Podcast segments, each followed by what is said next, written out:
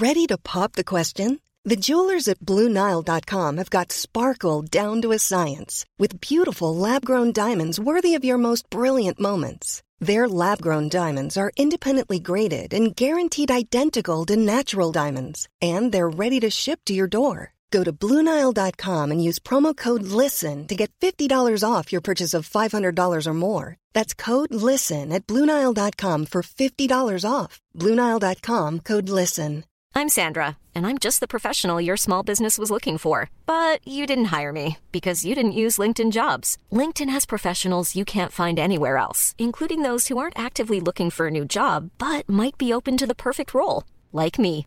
In a given month, over 70% of LinkedIn users don't visit other leading job sites. So if you're not looking on LinkedIn, you'll miss out on great candidates like Sandra. Start hiring professionals like a professional. Post your free job on linkedin.com/people slash people today. Hey there, it's Michelle Norris. I'm host of a podcast called Your Mama's Kitchen. When I travel, I'm usually looking for a way to find a taste of home when I'm not at home. And one of the things I love to do when I am at home is entertain. And Airbnb allows me to do that. When I was in California recently, I rented a house that had a great kitchen. And when we were sitting around the table, we're all thinking, we're in someone else's house. Someone could be in all of our homes as well. If you have a home, but you're not always at home, you have an Airbnb. Your home might be worth more than you think. Find out how much at airbnb.com/slash host.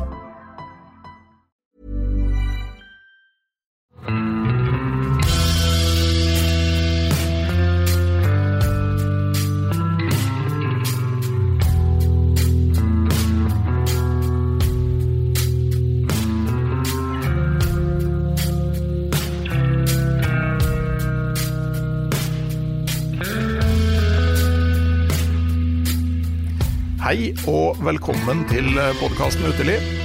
Mitt navn er Randulf Valle, og dagens episode den handler om å gå. Om å gå langt, og om å gå langt under forhold som for en nordmann kan virke litt ukjente. Når det gjelder dagens gjest, så er det jo sånn at i dag så er det veldig mange som er flinke til å dokumentere at de er med på tur. Og hvis du er veldig flink på dokumentasjon, så trenger du ikke egentlig å være så veldig mye på tur for å få veldig mye oppmerksomhet. Og så har du dem som befinner seg i motsatt ende av skalaen, øh, og drar på tur for egen del, sånn som dagens gjest. Og da kan man være ekstremt mye på tur uten at egentlig noen får det med seg. Velkommen til Gry Folge. Tusen takk, veldig hyggelig å være her. Ja, eh, jeg vet jo ikke egentlig så mye om deg som person, bortsett fra at du nå de siste årene har blitt veldig glad i å gå langt. Eh, Altså, jeg vet at du, så vidt jeg har fått med meg, bor i Oslo, jobber i Bærum kommune. Og så vet jeg at du er mor. For det var dattera di som tipsa meg om deg, eh, hennes tøffe mor, og turene som du har gjennomført. Og det må jo være lov å si at du har fått en del erfaring med lange fotturer. Altså, hvor mange kilometer til fots har du gått på tur siden 2017? Oi, det var et vanskelig spørsmål. Det har jeg egentlig ikke tenkt så mye over. Det er kanskje sånne detaljer og, og tekniske, tekniske ting som mange er veldig opptatt av, men som jeg ikke tenker så mye på. Og du har nok rett i at eh, jeg snakker jo kanskje ikke så mye i store bokstaver om, om turene mine heller, så det var vel kanskje datteren min som sa at eh, kanskje det er noen andre som syns dette er interessant å, å lytte til og høre på de erfaringene du har gjort, og kanskje det er på tide at du tar en liten plass, du også, der ute i denne utelivsformidlingsverdenen. Så Men for Ja, ja. å liksom prøve å svare på mitt eget spørsmål, da, eh, med, sånn at folk har en litt sånn der, eh, en idé, da, så snakker vi om at du har gjennomført langturer som altså, Det må i hvert fall begynne å nærme seg 10 000 km til fots på den tida der. Hvis det ikke er mer enn det. Ja, det er det nok. Det er nok i overkant av 10 000 km til fots. Ja. Og Norge på langs er snaut 2500, så liksom Ja. siden 2017 så har du gått tur-retur Lindesnes, Knivskjellodden to ganger minst på tur. Kanskje tre, nei kanskje, ja, kanskje du godt i gang med tredje tur-retur-vandringa. Ja, det syns jeg egentlig var et uh, godt bilde, for det, det, er, uh, det, er, det jeg planlegger å gjøre på min neste tur. Og da høres det jo jammen litt overkommelig ut også, selv om Norge på langs er ganske langt. Ja. Så ja. Mm. Men jeg tenker at uh, jeg pleier å si at jeg er bedre til å være ute på tur enn jeg er til å dokumentere det. Og noen ganger så syns jeg også at disse naturopplevelsene blir veldig mektige, og egentlig ganske vanskelig å formidle. Enten det er eh, i form av artikler eller Å gjenskape opplevelsen er jo det jeg syns øh, at jeg har lyst til å formidle. Og det syns jeg kanskje blir vanskelig i ord. Å ta med folk inn i det universet og på den reisen. Og da er det nesten som det er en terskel i seg selv, og da avstår jeg fra å, å skrive om det eller legge det ut eller ha en blogg, eller ja, som veldig mange har, da, hvor disse ordene kanskje kommer litt lettere når de skal formidle. Nå, eh, nå spør man jo aldri om en eh, dames alder, selvsagt. Eh, men jeg tenker jo at for de som hører på, så er det jo på en måte litt sånn interessant å danne seg et bilde av altså, hvem du er, da, og sånn med tanke på å identifisere seg. Og du har jo voksne barn, i hvert fall, har jeg merka meg. Det har jeg. Så jeg er jo jeg er mor og har tatt med barna mine ut på veldig mye turer eh, opp gjennom deres oppvekst, og har selv vært mye på tur da jeg var liten. Men jeg kan jo si det at eh, de aller lengste langturene, de begynte jeg med da jeg var godt over 40. Det kan jeg mhm. si. Ja. Nå, og den lengste, aller lengste av de, Continental White Trail i USA, som er på 5000 km, den tok jeg fatt på det året jeg fylte 50. Mm. Og det tenker jeg òg er litt sånn uh, både fint og viktig. For uh, det vi kommer til å se, altså Du starta med å gå lange turer i 2003, og så fortsetter det på en måte i 2017, som er nesten 15 år seinere. Og det er jo en fase i livet når man har barn, hvor eh, i hvert fall de fleste eh, bruker veldig mye tid på det, og, og, det tenker jeg er i, i de aller fleste tilfellene det riktige å gjøre. Men så er det også viktig å forstå at uh, det kommer en fase hvor man har en annen frihet, og hvor man da slett ikke er for gammel til å uh, kanskje prøve noe man ikke har prøvd før. Mm. Jeg tenker eh, det er uavhengig av eh, alder. dette handler om interesse, det handler om naturopplevelser, det handler om en frihetsfølelse, utforske. Og den delen av seg, den, den blir jo ikke borte, selv om man blir litt eldre. Jeg tror man tenker at den personligheten man er, den bærer man jo med seg. Både som, eh, fra man er ung til man er forelder, og til man blir eldre. Og det er jo ikke for sent med å gå på langtur, eh, selv om man begynner å komme litt opp i årene. Snarere tvert imot, tenker jeg. Det å, å gå er jo en eh, Det er jo en aktivitet som alle kan. Eh, selv om man ikke nødvendigvis går veldig lange etapper hver dag, eller man går med veldig tung oppakning, så er det å gå, det, det er overkommelig. Det er kanskje verre å starte med, med, med, ekstrem fjellklatring i en alder av 65. Det kan jo hende at det blir en bratt læringskurve. Men, eh, men dette, dette, er mulig, og jeg tror det ligger i hodet veldig mye, det å kunne kunne være ute på den måten, det handler om en, en vilje mer enn det handler om, om fysisk kapasitet, faktisk. Mm. Mm. Ja, og så blir man jo på en måte liksom sånn uh, Altså, du får mer livserfaring og blir kanskje litt smartere med alderen. Og jeg tenker at uh, på lange turer så er jo det å, å ha med seg hodet og gjøre de riktige tingene uh, en, en viktig greie. Ja, det tenker jeg. For den, all den kumulerte erfaringen man har fra tur, enten det er småturer i skog og mark eller lange bål, bålturer, som jeg også er veldig glad i. Det skal sies at uh, jeg uh, også har tatt med mine barn på rolige uh, turer, ligget ved vann, tent opp leirbålet og hatt det som en hovedaktivitet i mange år. Altså formidle naturglede. Uh, og den erfaringen, den tar man med seg. Uh, og eh, all annen erfaring også, i og for seg. Tenker jeg. Jeg har jobbet på sykehjem ved siden av studiene. All den erfaringen om eh, førstehjelp og sårestell har jo vært utrolig verdifull. Det, det, kumuleres. Mm. Um, Men hvis vi går tilbake til liksom, starten for dine langvandringer Ja, først kan, Tror du vi klarer å finne et annet ord enn vandring? Altså, jeg tenker at jeg får veldig sånn eh, nikkers og eleverte samfunnslag og noe litt sånn snobbete når jeg hører ordet vandring. Altså, det, når du går Continental Divide Trail, som vi skal snakke om senere, altså, det er jo ikke vandring. Det er noe mye råere enn eh, det. Det høres så puslete ut.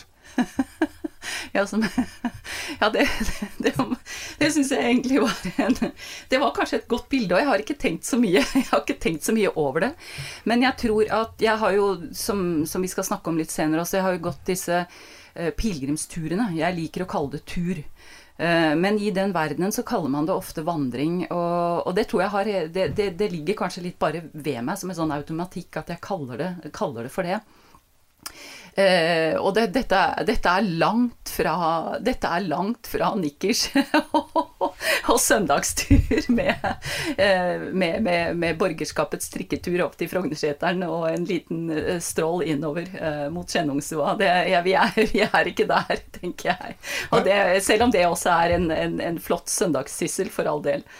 Jo, men jeg tenker at det, Eh, det, det, er jo noe for deg å tenke på på neste langtur. da. Hva, ja. hva, man, hva, slags ord kan man sette på det her som, som, i større grad rommer innholdet? For det er et eller annet når du kaller noe vandring, så, så blir det et eller annet litt sånn her satt over det i, i mitt hode. Men, men, i hvert fall da i 2003 så, så, så la du ut på din første langtur i mm. Spania. En sånn mm pilegrimsvandring, da, pilegrimstur til Santiago ja. de Compostela. Ja. Eh, kan du fortelle litt om eh, ja, hvorfor du endte der, og hvorfor du la ut på en sånn tur, da? Det var egentlig helt tilfeldig. Eh, det var fordi jeg hadde lest en artikkel i Aftenposten som var veldig veldig godt skrevet um, om uh, historien mer. Altså historien rundt Santiago de Compostela, katedralen, det med vandringen. Jeg tror også de, Så vidt jeg husker nå, så hadde de også lagt inn et par personlige beretninger om den vandreturen. Eller gå Der ser du igjen. Jeg var inne på dette med vandring igjen. Om, om denne turen og hva det gjorde å være ute over, eh, over, så lang tid. Men da er det jo eh, det, et, eh, det er jo et element av flott natur å, å gå gjennom Nord-Spania, over Pyreneene og gjennom Galicia til Santiago. Men det er også en kulturell dimensjon. Og jeg tror at um, for meg så handlet det vel mer om den nysgjerrigheten rundt det med historien. Jeg har alltid vært veldig fascinert av uh, historie. Og tenkte at dette er, det jeg kan, jeg, dette er det jeg kan ta meg fri fra nå. Jeg hadde en, en påske til disposisjon, og, og, barna var små. Og da tenkte jeg at uh, jeg kan gå ti dager. Jeg kan ta deler av det strekket og, og, og utfordre meg. Og så, hadde, hadde, så, så, jeg tenker det er litt av den bakgrunnen. Og jeg hadde også på det tidspunktet en, en Eller barnas far var, var, relativt syk, og jeg syns jeg, jeg, hadde et behov for å ta et sidestepp, gjøre noe annet, komme meg ut i, i natur. Rett og slett tenke på noe annet en liten periode. Og det var tilgjengelig. Det var mm. tilgjengelig. Mm. Ja, for jeg forstår den katedralen som de, Det er jo flere sånne pilegrimsvandringer som ender opp mm. i denne katedralen, som skal ha da relikvier altså etter apostelen Jakob. Og, mm. og for, en, for, en, del av de som går den turen her, så er det her på en måte sånn blodig religiøs alvor? Det er det. Mm. Og det handler om å komme frem til det, det, det målet. Eh, altså målet blir for mange eh, viktigere enn selve turen. Og, og, så det er jo to ulike måter å gå på pilegrimstur på. Og jeg tror i dag, i moderne pilegrimsvandring, så er det kanskje flere ikke-religiøse som er ute på tur, enn uh, en de som går uh, for å komme frem til et hellig sted. I middelalderen så var det jo slik at man fikk eh, en halvering av tiden i skjærsilden hvis man gikk til eh, et eh, hellig mål. Og slik er det jo ikke lenger. Etter at vi ble protestantiske, så har jo ikke pilegrimsvandring egentlig vært en del av norsk kultur. Og jeg tror også uh, nordmenn har jo, hvis vi skal kunne si det sånn, en, en, slags religiøs berøringsangst også. Så hvis man kaller det for en pilegrimsvandring, så er det veldig mange som kanskje mister interessen for den turen. Hvis man hadde kalt det noe annet, eller hvis målet, uh, hvis målet var noe annet. Så jeg tenker jeg har jo vært mange turer til, til Santiago etter det. Ulike veier. Og de fleste jeg møter, de har gått uh, av uh, ja, hendelser i livet. Det kan være en mor, en bror, en ektefelle som har gått bort. Det kan være sykdom. Det kan være faktisk også studenter fra særlig katolske land har gått på vegne av sine foreldre, gjort det som en gest til sin, uh, sin mor eller sin far. Eller fordi man ønsker rett og slett en, en forandring i livet sitt. Jeg husker jeg ble veldig, veldig berørt av um, den, ja, den, aller første gangen jeg gikk, da, i, i 2003, eller var det fire, det husker jeg ikke helt nå. Så var det en ung mann som tenkte fra Sveits, som sa det at uh, jeg er eh, ateist. Men jeg tenkte at hvis jeg ikke kommer meg bort fra det tøffe livet jeg lever på gata, og får en så dramatisk uh, endring eller går på en tur eller reiser bort, så tror jeg rett og slett jeg kommer til å forgå.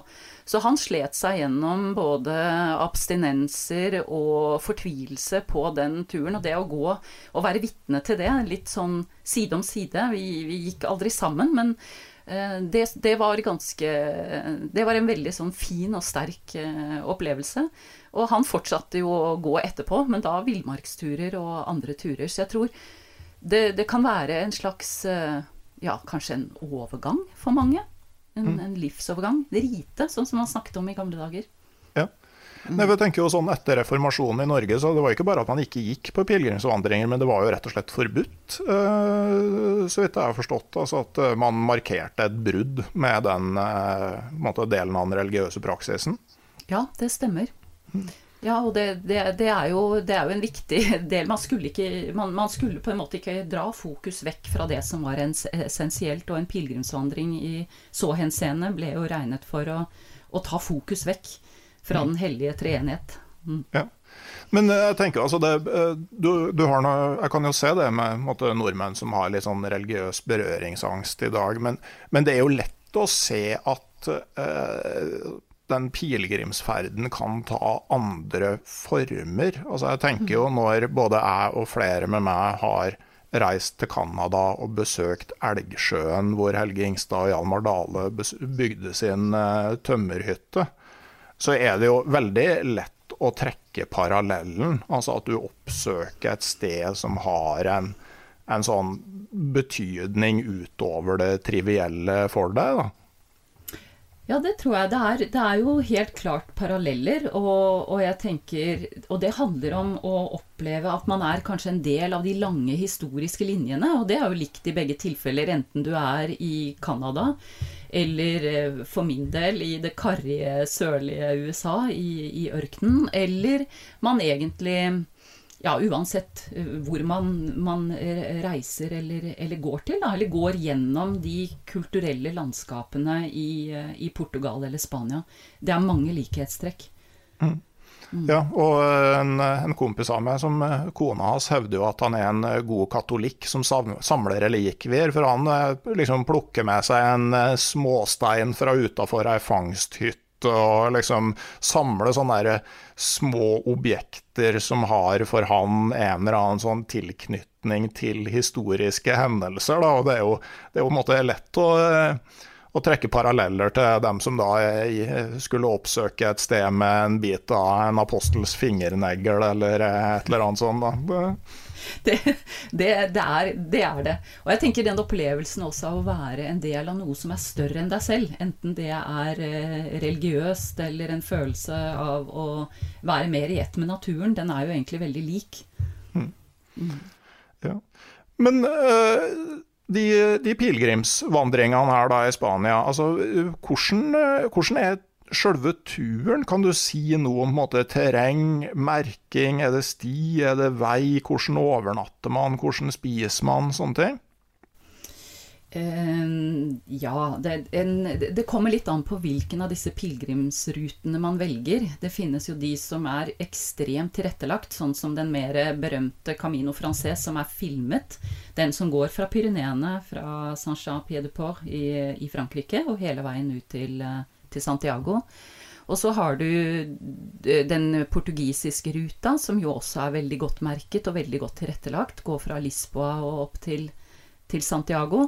Og så kan man begynne å bevege seg inn på andre ruter som, som rett og slett er dårlig merket, dårlig infrastruktur for pilegrimer, som vi pleier å si, med lite overnattingsmuligheter eller kapasitet og litt større vanskeligheter med å få seg mat. Men stort sett så er det å legge ut på en vandring altså hvis, det, kan, det kan jeg jo kanskje si at hvis man lurer på, sitter og lurer på om er jeg eh, laget for å gå på langtur. Eh, så er enten det er in, ute i barsk natur, eller det er, eh, det er på en, en pilegrimsrute, så kan man starte med å vandre på, på, den franske ruta. For man går fra herberge til herberge. Det er kort mellom herbergene på den franske ruta. Man ligger på store sovesaler.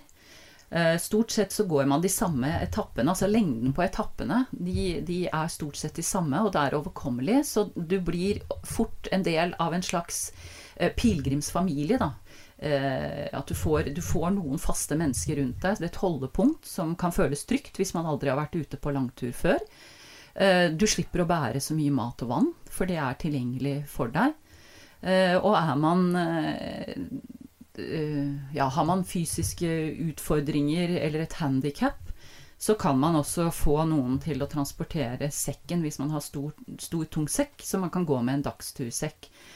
Um, det er veldig mye informasjon tilgjengelig, både på nettet og ulike uh, organisasjoner både i, i, i Norge og i England har informasjon tilgjengelig. Så det er en trygg måte, tenker jeg, å tørre å bevege seg ut på en langtur på. Hvis man sitter der ute nå og tenker at 'jeg har aldri vært ute på noe sånt', og jeg er ikke 20 år lenger, og jeg tror ikke jeg klarer det, men det gjør man. Mm. Så det er en fin måte å gjøre det på. Ja. Uh, men uh, du har òg da tatt med deg barna på, den, på tilsvarende turer uh, som det, det her. Hvordan, hvordan fungerte det? Du, det fungerte egentlig veldig bra. De har vært nødt til å være med meg ut på tur eh, fra de var små.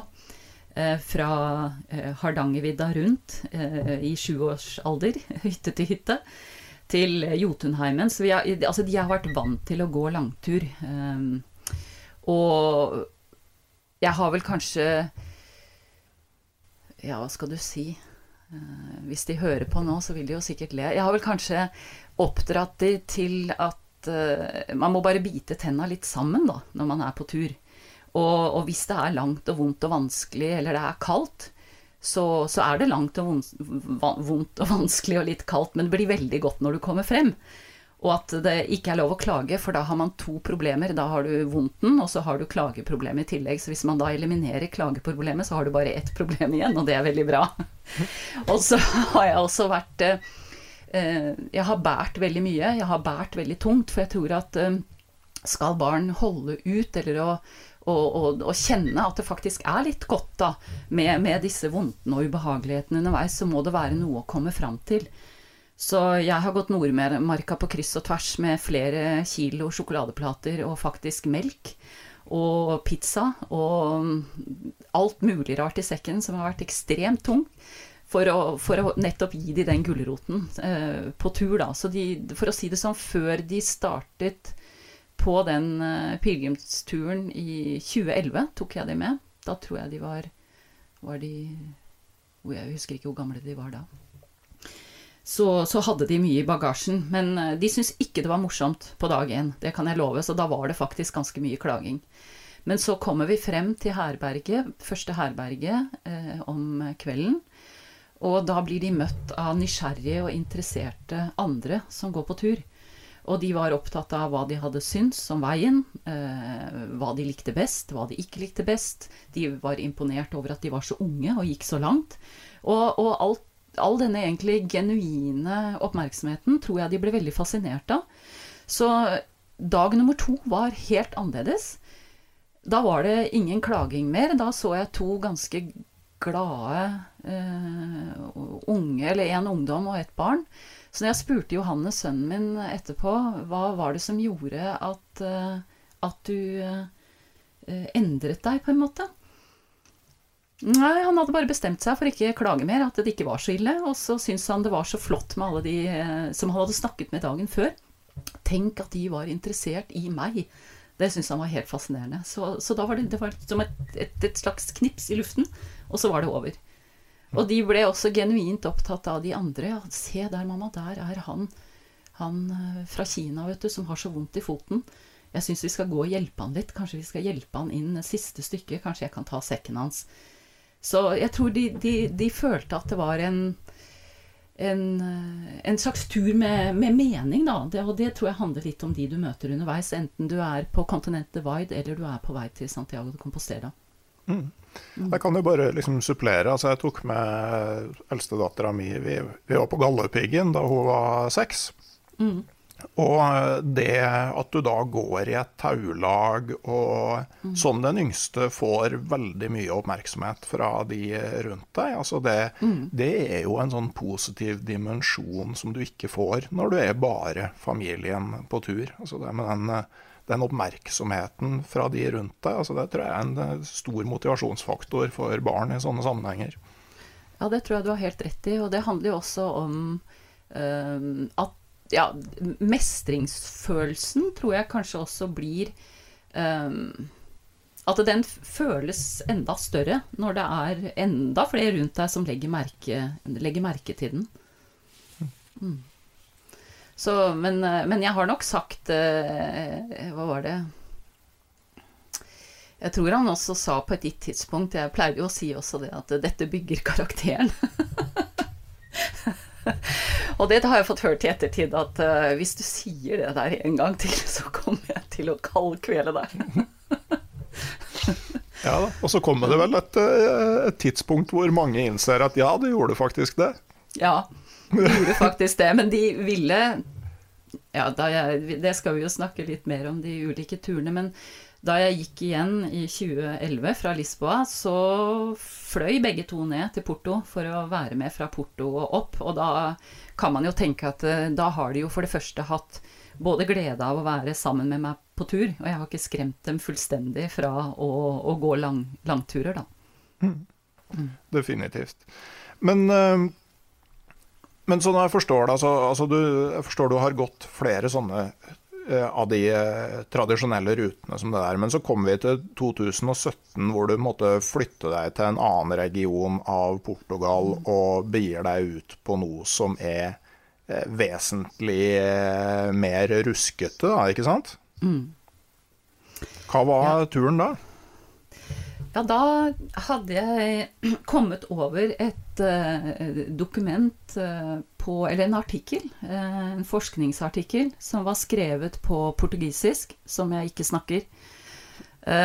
som handlet om de gamle vandringsveiene i det østlige Portugal. Og det var ikke det var ikke nødvendigvis uh, bare, altså, bare, pilegrimsruter, men det, det var de uh, skikkelig gamle ferdselsveiene helt tilbake til romertiden. Så jeg tråklet meg da gjennom den, den forskningsartikkelen. Det skal sies at jeg, jeg, snakker spansk, så jeg hadde litt drahjelp der, men det er faktisk stor forskjell, så jeg brukte noen uker på å tråkle meg gjennom den. Eh, så tittet jeg litt på nettet og googlet litt, og fant ut at det går jo egentlig ingen sammenhengende rute der. Så, så det kan jeg kanskje utforske. Det kan jeg kanskje pionere. Det ville vært veldig gøy å se hva, hva det egentlig er for noe. Og um, utover det så hadde jeg et uh, bilkart. Før jeg, før jeg tok flyet ned til Portugal, så hadde jeg et bilkart som jeg plottet inn hovedbyene oppover. Uh, og så litt også fra den artikkelen hvor man da kunne kanskje ha gått og snirklet seg, seg gjennom den uh, Det blir nesten en grensesøm, for den går grensen mot uh, Spania på den østlige, østlige, siden. Så tenkte jeg at det ble en fin utfordring. Mm, det har ja. jeg lyst til å gjøre. Mm. Hvordan var det? Eh, det var brutalt. Hva, hva slags utfordringer er det man møter når man eh, skal gå på fottur et sted hvor det ikke er noe rute i eh, Portugal? Er det allemannsrett i Portugal, for, for det første? Nei, det er det ikke. Det er, og det fikk jeg smertelig erfare. Vi så på, så på kartet eh, og prøvde å finne noen kjerreveier. Og prøvde å finne ut av Vi er, jeg og noen gode venner i eh, Pilegrimsforeningen St. Jakob. Men vi fant, eh, vi fant ikke så mye rundt det, så da tenkte jeg at da, da bare kjører jeg på, og så bestiller jeg noen kart fra den portugisiske hæren. Noen fysiske kart som jeg får levert til et eh, pensjonat uh, etter et par dagsmarsjer. Så, så det var jo på en måte utgangspunktet. Å vandre gjennom eh, landskapet uten egentlig å vite hvor jeg skulle, annet enn et fjernt mål veldig langt der, langt der borte. Jeg hadde ingen aning hvor den ruta gikk, om jeg hadde lov til å gå der eller ikke. Og jeg ble jo kjeppjaget av både folk og fe, for å si det slik, på, i et par anledninger. Og det, også, det var jo også litt spennende, faktisk. Selv om det var fryktelig ubehagelig òg. Ja, ok, Kan du konkretisere et av de tilfellene? Ja. Eh, ja, det kan jeg gjøre. Eller jeg startet jo i Faro, som er det sydligste punktet i Portugal. Og jeg tenkte at jeg skulle gjøre det til en slags Portugal, eller Portugal through hike. Eh, at jeg skulle krysse Portugal fra syd til nord. Eh, Den første delen går langs et ganske fint våtmarksområde med utrolig rikt fugleliv. Um, og oppover derfra så går det gjennom mye fraflyttede områder. Uh, og noe av grunnen til at det er vanskelig, er at uh, denne delen av Portugal pleide å være uh, Portugals kornkammer, med åpne landskap og kornåkre. Eh, og etter deres inntreden i EU så gjorde en del av avtalen mellom Portugal og EU det, eh, slik at de sluttet med kornproduksjon. Det, det ble det flyttet eh, mer til østeuropeiske land. Og så startet de med kveg. Og med kveg så kom jo alle inngjerdinger, og det kom også eh, hunder, altså vakthunder, som skulle passe på kveg. Det er, det er veldig øde områder. Du kan gå langt uten egentlig å møte noen i det hele tatt. Og med hunder og kveg og gjerder og sperringer så ble det også at jeg ble bikkjejaga en del ganger. Og de hundene de er ikke, de ikke kjæledyr. De har ett mål, og det er å beskytte kveg. Og, og det ble faktisk eh, noen episoder hvor jeg ble bitt ganske alvorlig og måtte slå ganske kraftig fra meg. Så, så, det, så det var en utfordring, faktisk. Så hvis jeg skal si til folk Eller én ting som folk må være klar over når de går i eh, Øst-Portugal, er at de må ta med seg noe så de kan håndtere um, hunder. Ok. Så, eh, og, og ved et tilfelle så, så Og det er mye løshunder. eh, og ved et tilfelle så kom jeg inn i en eh, real, real kamp med fem hunder i utkanten av en by som heter Covilla. hvor jeg måtte bruke vandrestaven og, og knekke over nakken på en av, en av de bikkjene. For det var meg eller, eller, eller bikkjene. Og det, det ble ikke meg, for å si det sånn, men det ble bikkja. Det høres jo sånn relativt eh, dramatisk ut. Eh, Ja, akkurat det var litt rått, faktisk. Ja. Eh, Jeg lagde en podkast med som heter Birgit Ryningen, som har sykla gjennom store deler av Sør-Amerika. og De, de kom jo også borti en del løshunder, og hadde bl.a. fått tips av at oppførselen til hundene når du kom til en landsby, reflekterte veldig ofte oppførselen til befolkningen også. Så der hundene var mest hissige, der kunne det være lurt å passere ganske fort igjennom. Har du tenkt noe over det? Ja, men eh, det er veldig De, de senser det jo med en gang, ikke sant. Du har akkurat et tiendedels sekund. Eh, og hvis du i det tiendedels sekundet trekker deg litt tilbake eller er redd, da, da er du på en måte Da er du kjørt. Så fremt det er flere eh, i flere hunder, så er man da kjørt. Og så kommer det an på hvor aggressive de er også. Så jeg, jeg har hatt Jeg, jeg hadde en episode til hvor jeg var, jeg var nødt til å trekke meg tilbake. Uh, for jeg var én, og de, da, da tror jeg det var sju eller ti bikkjer, og da måtte jeg eh, gå rundt. Men etter hvert så lærte jeg meg også til å prøve å opptre bare veldig rolig og veldig trygt, og gå ganske fort forbi, men relativt sånn bestemt i, i skrittene uten å, å, å, å provosere. Men, men, det var det, det, det, kan nok hende at de har rett i det. Det har jeg egentlig ikke tenkt så mye på. Det skal jeg ta med meg. Ja, at aggressive hunder betyr aggressive eller sånn mm. litt sånn fiendtlig innstilte mm. folk. Men det høres jo litt ut som også, som jeg husker uh, filmen til Arne Nævra fra Wrangelhalvøya med isbjørn, hvor de uh, jagde bort isbjørn med Altså kjeppjagde isbjørn. Altså det, det jo når du har med rovdyr å gjøre, at du mm. da må vise styrke og ikke svakhet. Men uh, mm. de fleste vil jo bli litt bleike om nebbet av en flokk på ti løshunder som tydelig ikke har eh, til hensikt å komme og bli klødd på magen. Nei.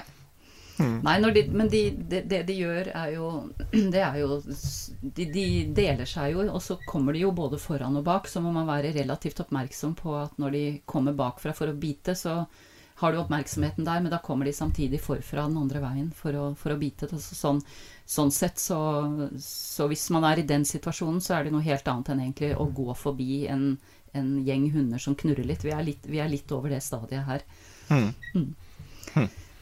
Men eh, ellers, da, hvordan er det med liksom eh, altså, du, altså, ikke noe eh, tilrettelegging med stier? Altså, hvordan overnatta du? Hvordan gjorde du det med proviantering og sånn på den turen her? Eh, på den, på den, tiden var jeg jo ikke så vant til å gå lange vandringer eh, ute som jeg er nå.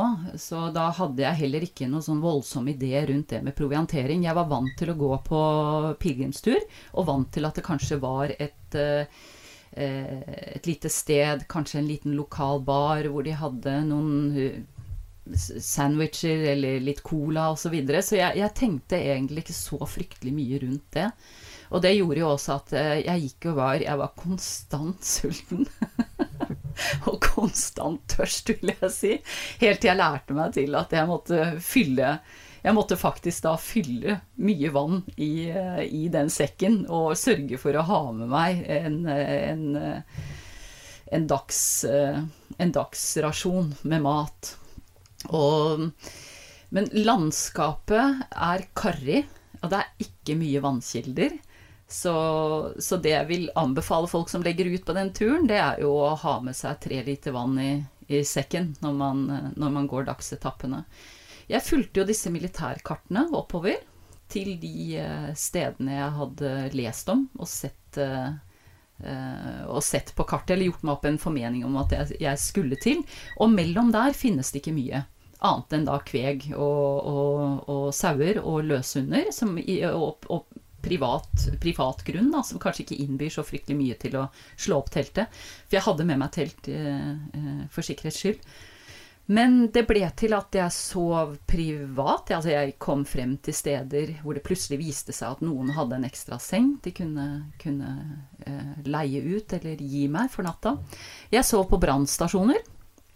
Eh, brannstasjoner i, i Portugal eh, har hatt opp til nå, tror jeg jeg kan si, en sånn slags stående eh, etisk regel om at man åpner huset for vandrere. Er, og, og, de kan da sove inne i gymsalen eller på gulvet eller Det var karri. Eller inne i et skur. Um, underveis. Jeg sov jo også der hvor jeg fant et tak, og det var kanskje en, en murbenk. Så valgte jeg å blåse opp liggeunderlaget og legge meg der og sove for natta.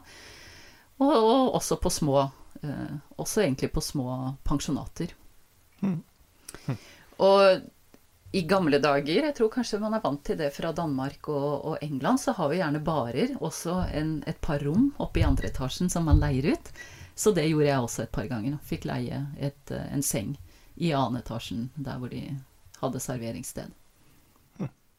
Ja, det husker jeg. Jeg har jo eh, gått New Zealand på langs, og der var det liksom de mm. gamle pubene.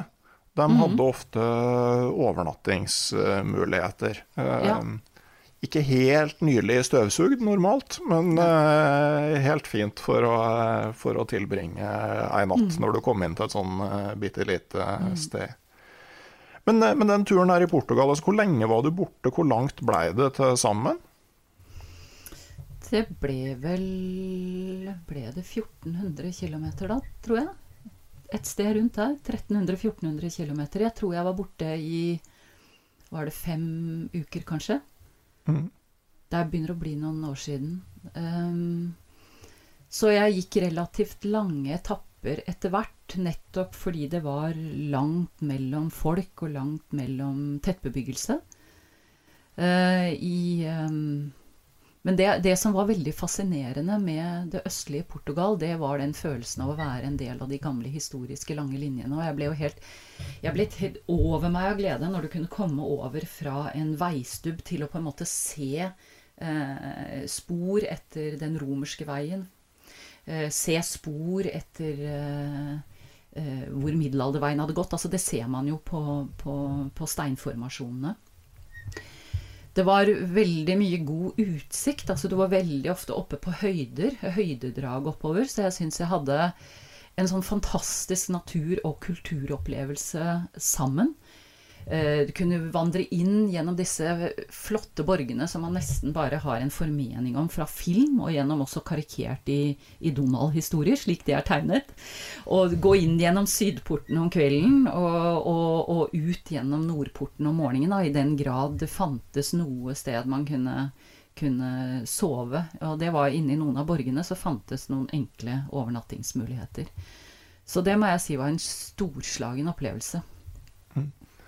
Ja, og det, jeg tenker jo at det her blir jo litt sånn, uh, litt sånn kontrast til den liksom reine villmarksturen. For at her har du liksom et sånn kulturelt og et historisk aspekt ved det òg, ikke sant? Ja, det gjør det. Så, så, så, det med å ikke måtte bære med seg alt proviantering, eh, det med å ikke slå opp teltet hver kveld, det er jo den store hovedforskjellen, egentlig. Men det østlige Portugal ga meg jo den friheten, den, eh, den kontakten med naturen, som jeg tror egentlig ble sporen til at det var det jeg ønsket å gjøre mer av uh, i, i fortsettelsen. Mm. Ja, for, for, den turen her, altså den, den, representerte jo på en måte et sånn mestringsmessig et helt nytt nivå i forhold til de eh, pilegrimsferdene eller pilegrimsrutene du hadde gått før, ikke sant? Mm. Det gjorde det. Og egentlig så lærte den meg mye om, eh, om, Ikke nødvendigvis at jeg gjorde en del feil når det gjaldt proviantering og det å ikke bedømme riktig mengde vann f.eks., eller ikke tenke så lurt rundt det. Men det, det, gjorde også at jeg lærte hvor mye er det jeg egentlig tåler. Altså hva er det egentlig som bor i meg når det gjelder å kunne klare meg når ting er veldig hardt, veldig vanskelig. Det var et år i Portugal med ekstremt mye skogbrann. Eh, og informasjon rundt det ligger ikke nødvendigvis så tilgjengelig på, på nett, eller man, man, blir ikke gjort oppmerksom på det på samme måte som her kanskje, eller i USA når man går noen av de lange turene der, så er det jo Da stenger de jo ned, og de, de rerouter deg, eller altså de, de dirigerer deg rundt områder hvor, hvor det er skogbrann. Det var det ikke her. Her var det å prøve å ringe brannvesenet selv og, og si at er det, er det, noen alternativ rute? Nei, det er det ikke. Bare pass på hvis det blusser opp igjen. Bare ta godt vare på deg selv, og så, og så prøv å forsere området så godt du kan. så, og, og, da Det å kjenne litt på den frykten, gjøre noen gode vurderinger, det å bli veldig eh, eh, til stede når det gjelder sansene, altså vindretning eh, eh, været eh, Den oppmerksomheten som man trenger å ha med seg mye, den tror jeg ble veldig skjerpet på den turen. Og at jeg kan klare å gå langt, og det tror jeg de aller fleste kan, da. Dette med å hente ut eh, ekstra ressurser. Når man tror at man er helt på bånn og ikke kan gå én meter til, så har du et potensial til å karre deg ganske mange mil eh, videre. Mm. Ja, for, eh, for, etter den turen her så vendte du måte, blikket mot, uh, mot, USA. Og når man ser på vandring i USA, så er det jo liksom tre sånn virkelig klassiske langturer. Altså Appalachian Trail er jo noe som ganske mange har hørt om. Og så I tillegg så har du Pacific Crest Trail og Continental Divide Trail. Og hvis du tar alle de der, så, så, du, så har du liksom the triple crown of hiking i USA. Det, det, det er litt sånn svært, ikke sant? Det er det. Eh, og så eh, kasta du blikket ditt på de her, og så valgte du den som er kjent som den vanskeligste. Ja, jeg gjorde det. Og det var vel nettopp av den grunnen du, du, du sa i, i spørsmålet ditt. Det var den vanskeligste. Det var den mest krevende. Og det er den mest krevende. Og da tenkte jeg at det må jeg jo prøve meg på. For de, de sier at uh, det er kanskje ikke den man bør velge som den første langturen sin av de tre. Men når jeg leste litt også om hva slags erfaring eh, de har, de som legger ut på disse trailsene i USA, så tenkte jeg det at eh, med, med, min oppvekst, slik jeg har levd eh, fritt ute med, med, bestefar og foreldre som har tatt meg med veldig mye ute på tur, og de erfaringene jeg har fått gjennom det, så tenkte jeg at jeg har det i meg som gjør at jeg kan klare en sånn tur det sydlige delen av både Pacific Crest Trail og Continental Divide er jo ørken. Så, så det fokuseres jo på av, av, mange som en veldig hard og røff start. Men da hadde jeg jo fått brynt meg i Portugal med, med hetebølge. Jeg vandret jo eh, fire mil, fire og en halv mil eh, om dagen med relativt eh, lite vann eh, i over 40 varmegrader i Portugal. Så da tenkte jeg at når jeg klarte det, når jeg klarte å karre meg gjennom det, så skulle jeg nok klare å starte i ørkenen i, i New Mexico også. Uh, og, og da, da, tenkte jeg at jeg går, jeg, jeg går meg til resten av, av, av, de erfaringene. Jeg har nok. Jeg kan stole på meg selv. Jeg uh, Selv om jeg selvfølgelig lurte litt på det. Kan jeg det egentlig? Har jeg nok erfaring? ærbødighet er jo også ærbødighet er eh, viktig. Altså respekt for naturen, det, det skal man ha. Um, men, eh, men, stole på seg selv er viktig. Ja, ja for det, altså, det, var altså Continental Divide Trail du gikk på, og den går på en måte da eh, omtrent eh, liksom i skillet mellom kontinentalplatene, vil jeg tro. da, altså mm. sånn eh, og det, det, er liksom der USA òg er på sitt høyeste over havet, mm. stemmer ikke det? Jo, det stemmer. Så så du har liksom ørken, og du har ganske stor høyde og mye høydeforskjeller. Mm. Og så har du en del Vil vel òg se på det at du på slutten kom inn i grizzlybjørnområder, og at du underveis så, så er det vel både prærieulv og ulv som du, som du ferdes blant. Altså, hva var det du så på som største utfordringa før du dro? Før jeg dro, så var jeg kjemperedd for bjørn. Det syns jeg var veldig skummelt. Det var ingenting som var så skummelt som bjørn, tenkte jeg. Og jeg hadde hørt eh, Altså, ulv var bare en sånn fjern, liten ting. Det, det, det ofret jeg ikke så mye tanke. Um, og så tror jeg egentlig at jeg vet ikke Noen ganger så kan man jo bli så redd at man lar være å gjøre ting. Men jeg tenkte bjørn er der ute. Og og den er jo ikke så Den er redd for mennesker. Stort sett så er bjørn redd for mennesker. Jeg prøvde å si det til meg selv. Uh, og så min uh, sønn Johannes, han sa til meg det at Men du må huske en regel, da, mamma. If it's uh, black, fight back. if it's brown, lay down. if it's white, good night. så jeg, jeg, jeg, visste Jeg visste jo at det er jo ikke noe Det er jo ikke noe isbjørn der. Så og, og, og statistisk sett hvis jeg følger de, de, tipsene og rådene, for det gjorde jeg faktisk. Jeg så litt på disse på YouTube-videoer, jeg leste hva folk hadde gjort før meg. Dette med å, å henge mat, selvfølgelig. Altså, det er jo visse forholdsregler man tar når man er i, i, i et område med bjørn. Men, men, jeg tenkte at uh, det skal jeg klare, og jeg tror at den ikke kommer til å det er, det er jeg tenkte at jeg tror at den ikke kommer til å ta meg. Altså sjansen for det er liten. Jeg vurderte den risikoen. Men, og, og, hvis den gjør det, så er det bare veldig, veldig sjelden at det går veldig galt. Eh, for det er noen ting man selv kan gjøre når man er på tur, eh, som, som kan eliminere risikoen. Men jeg var jo redd for absolutt alt helt i begynnelsen. Som du, som du sa, det, det, starter jo i ørkenen på grensen til Mexico. Der er det jo, der er det jo mm, også Mount Lions. Det er jo prærieulv. De så jeg jo mye av, forresten. Og så er det også i de områdene mye eh, trafikk mellom grensen av en karakter som ikke nødvendigvis er eh, bare turisme. så det er jo områder hvor de driver med menneskesmugling. Altså det er jo der de kommer seg over. Det er bare et lite piggtrådgjerde som man kan tråkke over for øvrig. Ingen mur akkurat ved Crazy Cook Monument. Og så er det mye våpensmugling eh, gjennom den eh, ørkenen.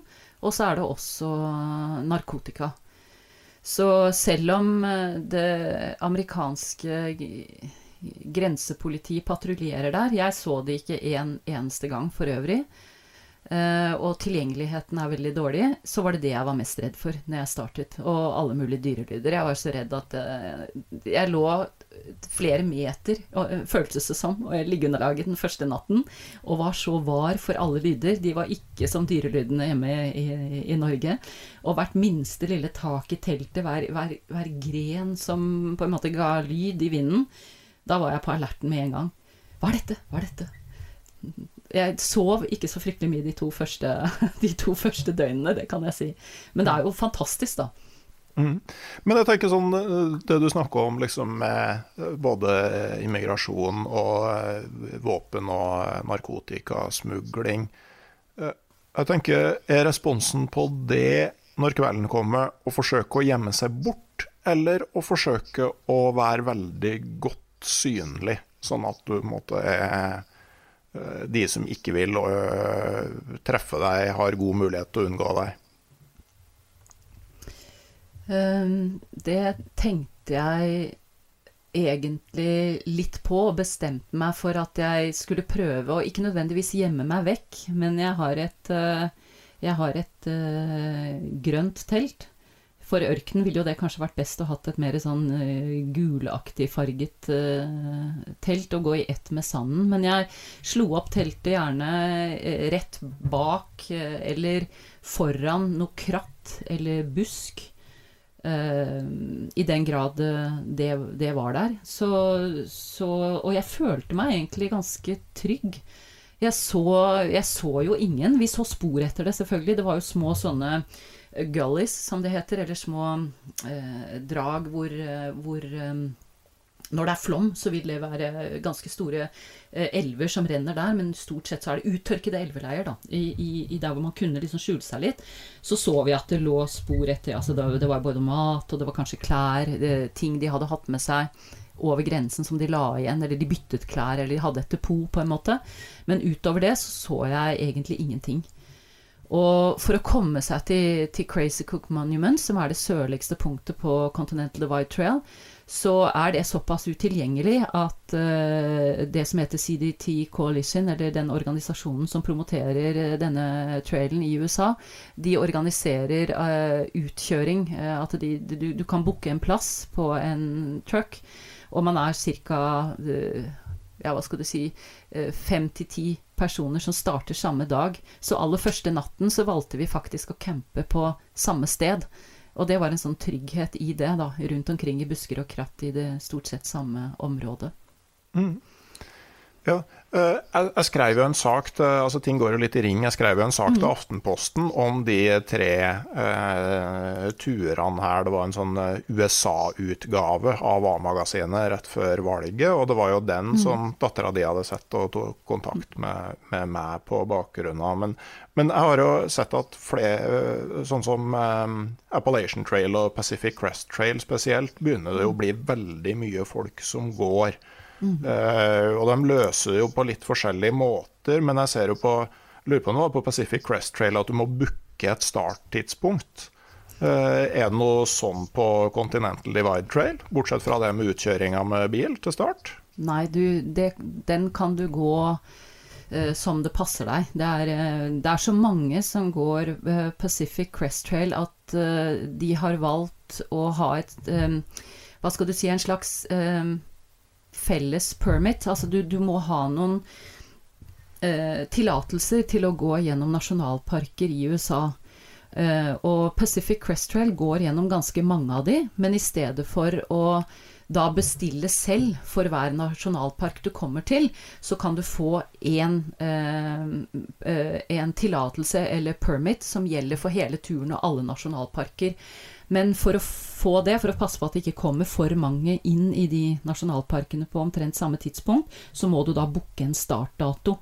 Og der sitter jo folk med PC-er, altså de sitter med én og to og tre PC-er og to og tre mobiltelefoner. For det å få da en slott, som man kan, man kan nesten kalle det det, på samme måte som fly på en flyplass, så, så, så trekker du et kønummer. Og så, du, så kan du velge eller bli tildelt en, en dato. Men der på Continental Divide så er det bare fritt. Du starter når du, når du, når du vil, men du vil trenge en tillatelse til å gå i Yellowstone. Og i Glacier National Park, når du kommer helt på tampen av turen opp mot Canada, i Montana, så vil du også trenge det i Rocky Mountain National Park i Colorado. Hm. Men det ordner man selv, da. Ja. Mm. Er det på en måte starttidspunktet på året, er det viktig? Ja, det er, det er, ganske, det er ganske viktig, fordi man vil ikke starte så langt syd i ørkenen når det blir for varmt. Altså, så det å vente til langt ut i mai-juni, det gjør at du får en ganske uutholdelig og varm opplevelse. Det, men allikevel så vil du ikke starte eh, for tidlig. Fordi det å komme til Colorado, du var jo litt inne på det eh, selv, der er det jo 4000 meter. Altså du, du, du går opp og ned eh, 4000 meter. Eh, dit vil man helst ikke komme altfor tidlig i juni, for da er det altfor mye snø. Eh, samtidig kan man jo heller ikke komme til Canada for seint, for da, da, har jo vinteren kommet. Så man har et slags vindu i, i, forhold til når man vil starte. Så kommer det også litt an på hvor fort man ønsker å gå. Eh, hvilken form man selv er i. Eh, og, og ja.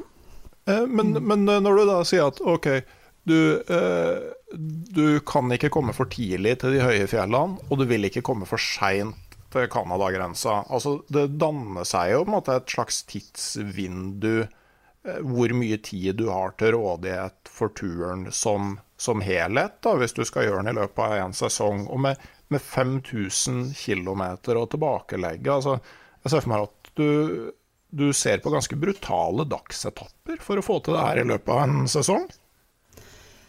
Ja, det, det, gjør man. Men man starter jo gjerne litt rolig. men, eh, men, for å klare det, så må man komme opp i noen mil om, eh, mil om dagen. Det må man. Så, så å, å, vandre på en sånn tur handler jo i stor grad om eh, det repetitive. I nettopp det å, å gå. Altså, men, men allikevel det befriende. Mange tenker på det, det som et tidspress. For meg så var det ikke tidspress, for friheten i den bevegelsen er for meg så stor. Det å, å være underveis. Um, Erling Kagge har skrevet at uh, det som altså det er, Noe av det mest radikale du kan gjøre i dag, er å gå. Det er langsomt. Så selv om noen tenker at vi som går langturer sånn sett, egentlig bare jager kilometer og er opptatt av å komme oss raskt fra et sted til et annet, så handler det egentlig ikke så mye om det for meg. Fordi det er å være der ute fra morgen til kveld, og det å vandre for meg også i morgentimene Det, er, det, det, det finnes jo ikke noe flottere enn å, å, å være ute og gå når, når når du får soloppgang, eller dagen i seg selv har jo også mange interessante elementer, men når du vandrer også i skumringen det, Man ser utrolig mye forskjellig dyreliv. Så alle de tre eh, tidene på dagen, eh, tidlig morgen, eh, dag og egentlig ettermiddag, kveld, har ulike dimensjoner ved seg som jeg setter pris på. Så det handler om å stå opp om morgenen tidlig, og det handler om å, å legge seg i teltet og, og, sovne eh, når det er mørkt. Og så handler det om å stå opp neste dag mm. og, og, komme seg, og, komme seg, egentlig litt av gårde, da. Mm. Jeg tenker at sånn, I Norge så er jo altså Sånn som det å gå Norge på langs eh, Jeg tenker jo at det er åpenbart at eh, Lars Monsen og Trond Strøndal og deres tur har hatt en ganske sånn stor påvirkning både på hvem som gjør den turen i Norge, og hvordan den gjennomføres. For jeg, jeg ser at de de Norge på langs-turene gjøres ofte mer på en sånn loffeaktig måte enn det du her beskriver, at det har blitt en sånn norm å ta seg god tid og ligge i ro, eh, og at man egentlig kanskje har satt det opp som en sånn motsetning til det jo hermetegn stresse for å gå lengst mulig hver dag. Men så er det som du sier, at altså, eh, det er jo et personlig valg og en smak om mm. man Altså, det er jo ikke gitt at det er bedre å sitte i leiren og se på soloppgangen og solnedgangen enn å se på den mens du går. Sånn at, eh, altså, det, det, er ikke noe sånn at det ene er riktig og det andre er gærent, men at du må føle på hva du sjøl trives med. Mm. Jeg tror du har et poeng der, og jeg lyttet jo med stor uh, interesse til, uh, til podkasten din hvor du nettopp snakket med, med Strømdal om den, om den, turen. Og jeg liker også den dimensjonen av friluft og uteliv. Men jeg tror nok også jeg har en sånn utålmodighet i meg av natur. Jeg vet ikke om jeg har en uro uh, i meg, uten at man skal egentlig begynne å putte noen bokstaver på det. Så, så tenker jeg at for meg så er det å være ute og gå um, det, det, er på en måte det som appellerer til meg. Men mange syns jo det er å være for mye ute i naturen også. De som tar på seg skia, så løper de en enmilstur så fort som mulig, og den tar kanskje ikke så lang tid. Eller man tar en løpetur i skogen, mens jeg da liker å være ute hele dagen i skogen. Så, så der er man jo egentlig bare veldig forskjellig, og, og, liker å være ute på litt ulik måte.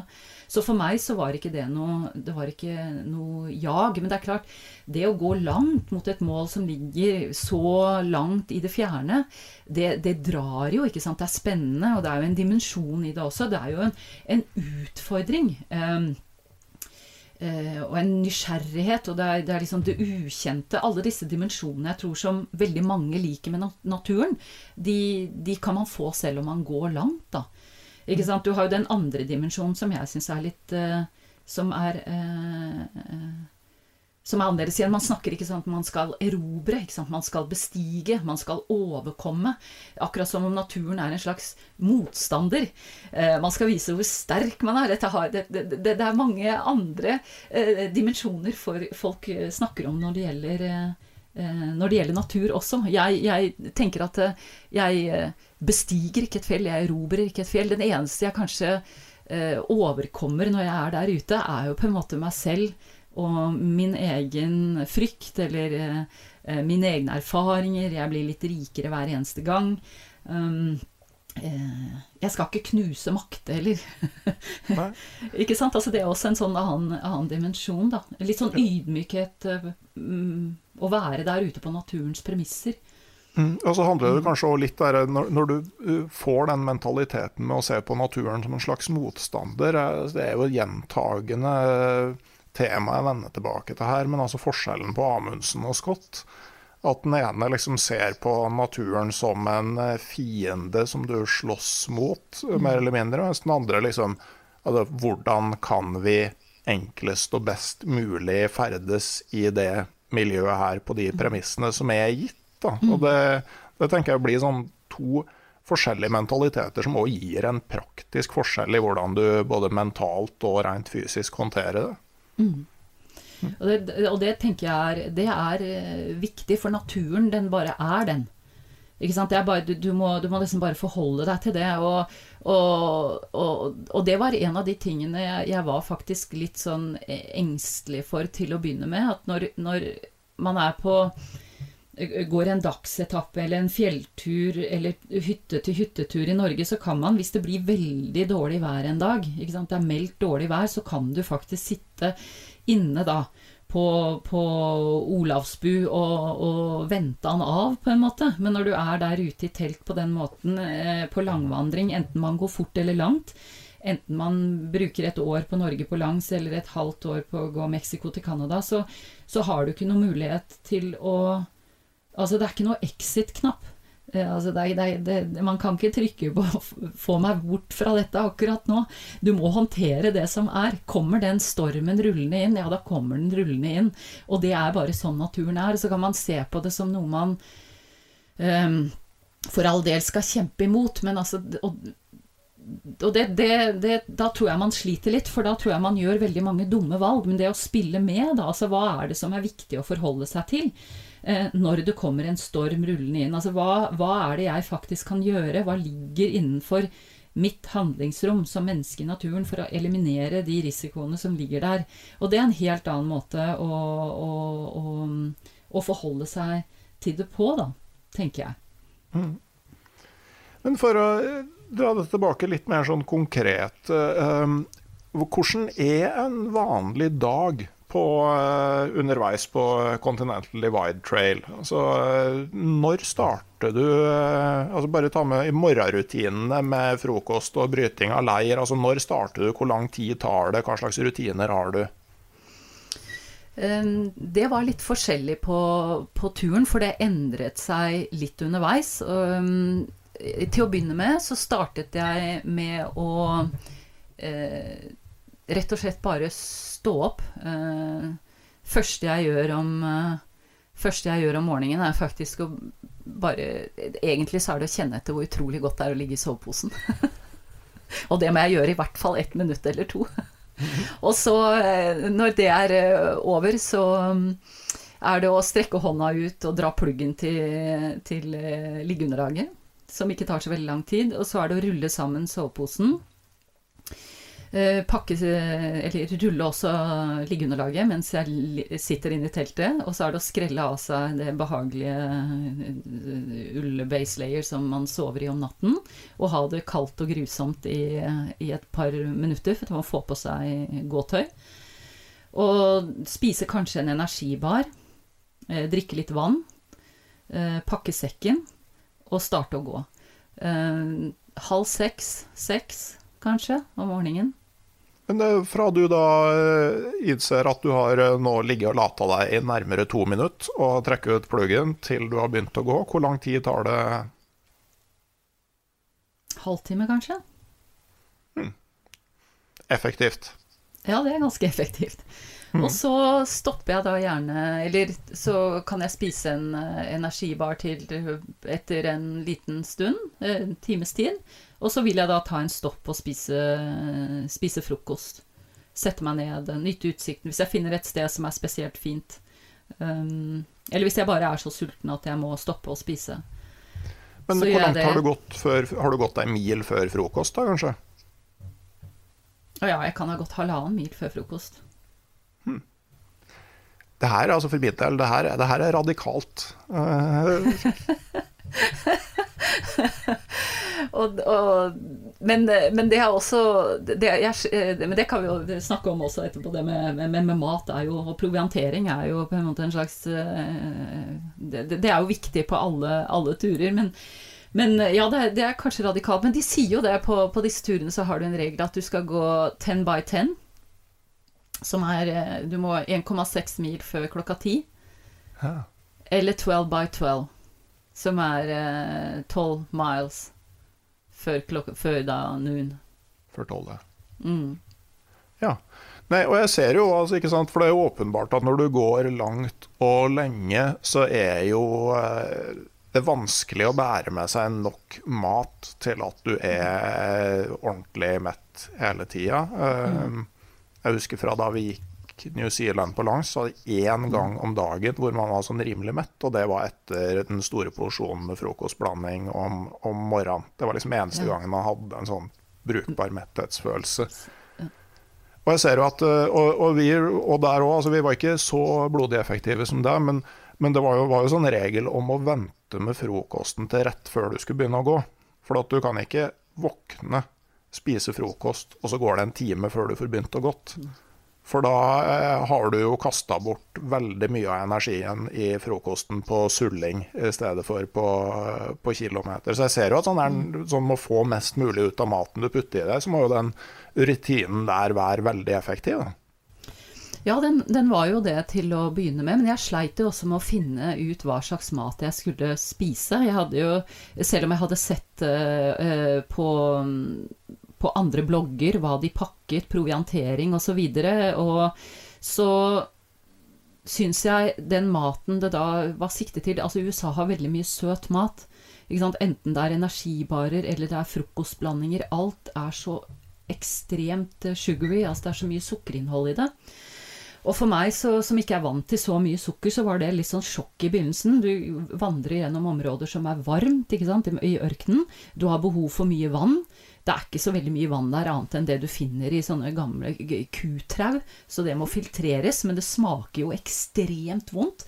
Så er det varmt, og så er du sulten. Og så drikker du liksom vann som, som, som rett og slett smaker kuskitt.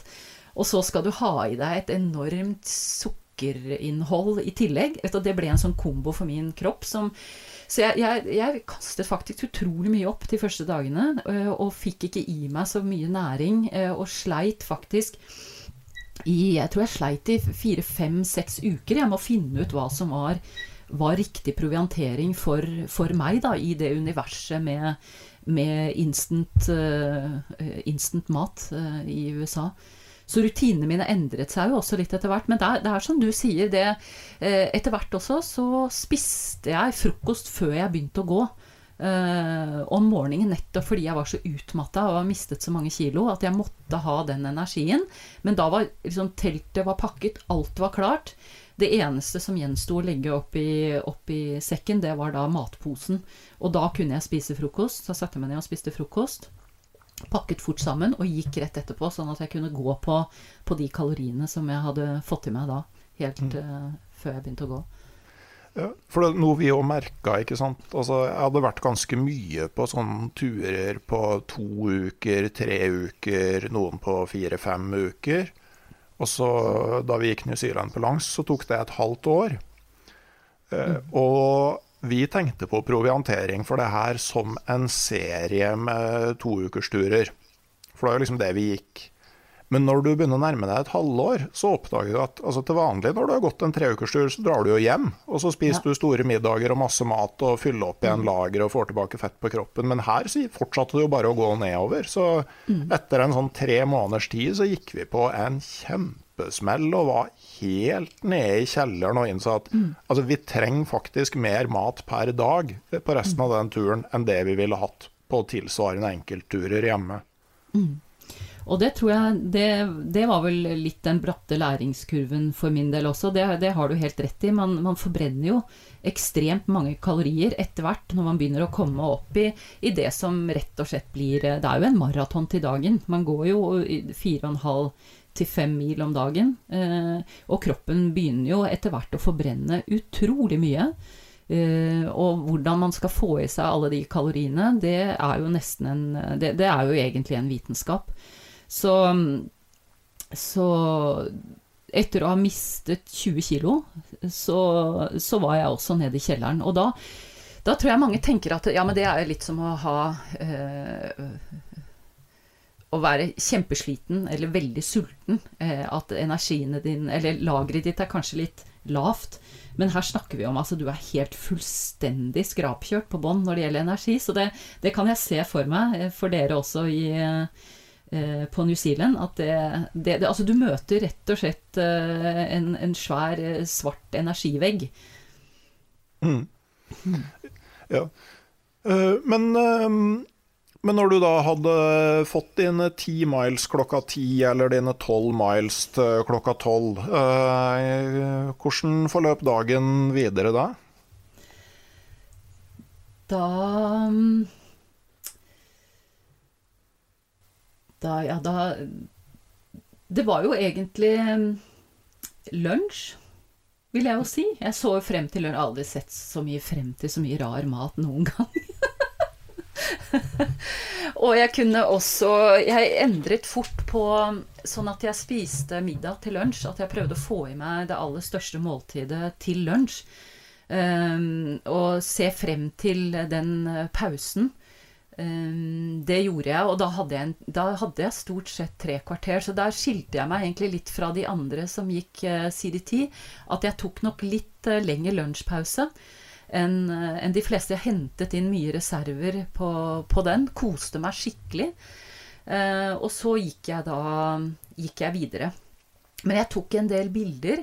Eh, og jeg har også laget eh, GPS-tracks eh, på, på, noe som heter Wikiloc fra alle turene. Så det ble jo at jeg stoppet litt oftere også, altså ved å, å tagge vannkilder, gode leirplasser, utsikter, ta noen bilder osv. Og, så og det tok jo selvfølgelig litt tid. Um, og det koste jeg meg med. Men stoppe og se på utsikt og bare ta det inn, det, det, det gjorde jeg, liksom. Disse tominutterspausene, det, det eh, Jeg tror faktisk altså hvis jeg, kan, hvis jeg lukker øynene nå, så tror jeg nok kanskje den tilstedeværelsen gjør at jeg kan se for meg store deler av den turen, av alle de 5000 kilometerne, visuelt. Så, så for meg så var det egentlig det, det, med å ta inn inntrykkene, dyrelivet, stemningen, været um, det, det, var liksom dagen. Rytmen, gåingen. Uh, det befriende og monotone egentlig i det. Og så var det jo å se frem til uh, å legge seg. Uh, rett og slett. Og jeg tror noe Jeg, jeg har vel aldri vært så sliten noen gang. Eh, det, jeg kunne ikke få satt opp teltet fort nok og skiftet til et tørt uh, base layer uh, ull og fått lagt meg ned. Og noen ganger, ikke bare noen ganger, men ofte var jeg også så sliten jeg klarte ikke å spise på kvelden. Men den Cliff Bar og jeg, vi har, et, vi har innledet Herr Cliff og jeg, vi har innledet et forhold for livet. Jeg elsker sånne Cliff Bars. Det kan ikke være noen andre energibarer enn Cliff Bar. Det kan jeg spise på dagen, men det er nesten et sånt opphøyet, fantastisk eh, tidspunkt på dagen for meg å krype ned i den soveposen og spise en Cliff Bar. og så legge seg og sove. Man blir litt sånn rar når man er ute på sånn tur. ja. Så da, du, du, er egentlig da og, og, og, når er du da slår leir på, eh, på kvelden? Um, det kommer egentlig litt an på, men de har, det er noe som heter Hikers Midnight. Uh, og det er klokka ni. Uh, så stort sett så var det rundt klokka ni. Um, noen ganger så var det før, hvis jeg var, hvis jeg var sliten. Eller jeg rett og slett var rasende over at det var vanskelig. Altså frustrert. mye trær som lå downfalls. Det kunne være mye forseringer, mye elvekryssinger, mye hardt. og jeg kunne være fryktelig sliten og kunne stå og rope og skrike og være fryktelig frustrert og grine og si at nå orker jeg ikke å gå en kilometer til. Og jeg kan skrike til kartet og si at disse høydemeterne her, de, de, de er jeg helt sikker på at jeg ikke så i dag morges, og så videre. Og så bli barnslig som en uh, toåring. Da gidder jeg ikke mer. Nå gidder jeg ikke å gå mer. Nå bare slår jeg opp teltet her, så kan du ha det så godt. Dumme kart. Litt sånn. Så da kunne det bli litt tidligere. Eller, eller også så kunne jeg faktisk fortsette også til etter at det var mørkt. Eh, men stort sett rundt ni, vil jeg si. Så det er altså underveis fra halv seks om morgenen til oppunder ni om kvelden? Ja. Med gåing. Ja, det er Og uh, hendte det at du liksom tok en dag og liksom Nå trenger jeg å hvile? Ja, det er, jo, det, er, jo, det, med proviantering og tidsplan underveis. Nettopp liksom både for å sørge for at du har nok proviant underveis, og for å sørge for å komme innenfor rammen av det vinduet da, som vi snakket om. Man kan ikke starte for tidlig, men du kan heller ikke eh, Eller for seint. Og heller ikke komme til de høye fjellene i Colorado altfor tidlig. Så, så, må man jo ha en slags eh, overordnet plan, da. Selv om jeg ikke er så innmari glad i å planlegge alt i detalj. For da får man jo da blir jo mye av eventyret borte. De spontane tingene man gjør underveis. Hvis man, hvis man planlegger seg bort fra det, så blir jo også eventyret borte. Men, eh, men, eh, stort sett når jeg kom til stedet hvor jeg hadde tenkt å proviantere, så sørget jeg for at jeg kanskje hadde en, en, en kort dagsmarsj da, den dagen inn til nærmeste tettsted, eller, eller by, hvis man kan kalle det det. Og, og, sørget for å hvile så mye som mulig den dagen. Spise ekstremt mye. To frokoster, to lunsjer, en middag. og, og, gjøre det samme dagen etter. Og så kanskje gå ut litt seint på ettermiddagen og bo på et motell og hvile og, og prate med andre, andre, av de turgåerne som gikk samme tur som meg. For det var litt på samme måte som med, med disse vandringene i, i Spania så er det jo flere andre som prøver seg på denne turen. Og de, de går også sånn noenlunde. Noen går veldig fort, andre går veldig sakte. Men man går noenlunde med samme rytme, så du ser igjen flere underveis. Og det er veldig fint å, å, å få deres erfaringer, planlegge neste etappe sammen med de når man er inne, og, og, og hvile litt. Eller ta rett og slett det også som kalles en zero day. At du rett og slett også har en hel dag hvor du ikke gjør annet enn bare å hente deg inn, da. Mm. Ja. Jeg husker sånn som med spising når du kom inn til plasser. Det var Da vi begynte å komme godt ned på Sørøya på, på New Zealand, så kom vi inn til et eh, sted som var motell og backpacker. Eh, og vi fikk en plass på backpacker-biten, og så gikk vi i restauranten og begynte å spise. Og vi spiste og spiste og spiste og spiste, og til slutt så kom de og sa at, eh, at vi, vi fikk ikke mer mat før vi gjorde opp regninga. Ja, det kan jeg levende forestille meg. Det kan jeg. Sånn stor pizza nummer sju på to etter hvert ganske syltynne personer. De skjønte ikke opplegget der. For det, det, her var det, det, her var ikke noe del av noe sånn organisert rute, så de var ikke Nei. vant til å få sånne utsulta eh, vandrere inn med, med mellomrom. Så vi lurte litt på hvordan de trodde vi skulle stikke av fra stedet til fots. Ja, det kan jeg levende se for meg. For man, man spiser jo mengder som man tror er helt, uh, helt uh, ikke mulig.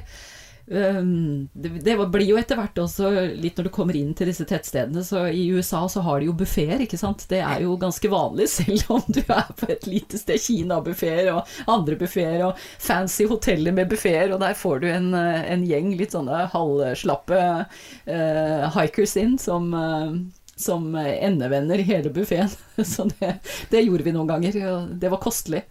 Ja, Det er jo sånn i Norge òg. Altså, jeg, jeg, mener jo fortsatt at uh, når du skal spise ute i Norge, så er det ingenting som gir mer valuta for penger enn en hotellfrokost når du er mhm. skikkelig sulten. Ja. Så kom hjem fra tur og skal sånn, hatt folk på besøk da jeg bodde i Finnmark, og så skjønner du etter hvert hvilke hoteller som har gode frokostbuffeer. Så når du skal sende hjem noen fra Vadsø så på formiddagen, så timer man det sånn at man etter ei uke på tur kommer innom og spiser frokost først. Og det, det ja. tenker jeg det, det, Og det blir jo ikke noe verre når du har vært ute noen måneder eh, på forhånd. Nei, det er, det er, det er helt sant. Og, og frokostbuffé på hotell, det er jo egentlig ikke noe man trenger i, i, på en måte en vanlig hverdag. Når du reiser og skal på en, en jobbkonferanse f.eks., så trenger man jo ikke alle de alternativene. Men det er, det er Man skal ikke undervurdere det når man har vært på langtur. Det kan hende til sommeren at jeg vil prøve å poppe innom alle mulige steder som har en frokostbuffé. Jeg har hørt at på, på Livert Morten kro i Lierne, så får du gratis elgburger hvis du går Norge på langs. Takk for tipset. Det skal jeg skrive meg bak øret. for, det, for, det, er jo ikke sant, akkurat som det, de stedene du passerer på Continental Divide Trail, de ligger jo på en måte strategisk til, sånn at veldig mange havner innom der. Og det er jo klart òg mm. Norge, spesielt oppover i Trøndelag og Nordland, hvor landet er smalt. Mm. Så er det en del plasser som, som, nesten alle havner innom, fordi det er de liksom, naturlige provianteringsstedene. Men, men, sånn på kontinenten til Divide Trail, altså, er det steder med vanlig butikk og sånn med såpass jevne mellomrom at du, liksom, du fyller ryggsekken, og så går du til neste samvirkelag? Um, både, ja, både, ja, og nei. Uh, det, det På Continental Wise er du avhengig av å lage provianteringsbokser og sende til deg selv. Eh, for eh, du kommer kanskje innom en ranch som har sagt seg villig til å, å ta imot boksen for deg. Eh, eller kanskje et eller annet sted en, i New Mexico, et lite um, Hot Spring som har noen teltplasser, men de har ikke nødvendigvis noen matbutikk. Helt, men, de, men, de, aksepterer å ta imot uh, provianteringsbokser fra hikers. Så du er avhengig av å planlegge, avhengig av å, å, legge i bokser, og avhengig av å få noen til å sende det for deg, eller at du selv når du er i de litt større byene, eh, selv går på posten og sender da til neste sted. Og det, det, det opplegget med å sende resupply-bokser gjennom postvesenet i USA fungerer helt utmerket. Da bare skriver man estimert eh, tid man forventer å komme, og så holder da postkontoret boksen for deg. Det er jo det samme som mange bruker på Norge på langs. Vi brukte også samme systemet på, da vi gikk New Zealand på langs. Altså at, du, sånn, at du sender kart og, og kanskje utstyr eh, som du, så du kan bytte sokker og eh, litt sånn eh, Og eh, ja, faktisk da, da Bengt Rotmo og jeg gikk gjennom Nordvestpassasjen, så brukte vi samme system oppe i de små inuittlandsbyene oppe i Canada. Der er jo ikke noe vei mellom, men eh, det gikk an å sende med fly da, til, til Ja. neste sted. sånn at du, du kan skyve noen avgjørelser foran deg på det, Ja, ja. på det viset. Ja, jeg hadde også det, en, en, en, en boks som inneholdt uh, litt uh, ekstra utstyr, som jeg på en måte også da sendte til meg selv langs hele ruta. Den kunne ta ut Altså hadde for eksempel eh, eh, ja, et annet eh, filtersystem. Jeg hadde, jeg hadde eh, alltid et ekstra sett med kontaktlinser. Jeg bruker jo kontaktlinser, så jeg måtte ha litt sånn eh, ekstra sikkerhet for at jeg hadde mine typer kontaktlinser underveis. Jeg hadde eh, ekstra bjørnetau, en, en, en ekstra pose, jeg hadde noe vannfilter oppi der. For du vet ikke når du når dette, noe av det kritiske utstyret ditt kan knekke, da, og selvfølgelig sko. Man går jo gjennom noen par med sko, og du har ikke alltid mulighet til å kunne bestille og få sendt til deg sko, så det hadde jeg også sørget for på forhånd. da, Når, når kommer jeg til å trenge det? Og så hadde jeg en, et ekstra par i den boksen som jeg hadde løpende på en måte foran meg da, på turen. Eh, Hva slags type sko? Altså, det er jo noe som folk har spurt om her. Jeg jeg la jo ut sånn at de som støtter podkasten Uteliv på Patrion, kan eh, stille eller komme med spørsmål. Og det altså, hvem innså at du er en, en eh, professor på eh, fottøy for, eh, for fotturer. Så det, det er liksom Hva slags type, og er det noe eh, sånn eh, Og er det noen sånn spesielle eh, modeller du har hatt god erfaring med? Jeg går med herresko fordi jeg har en relativt bred fot.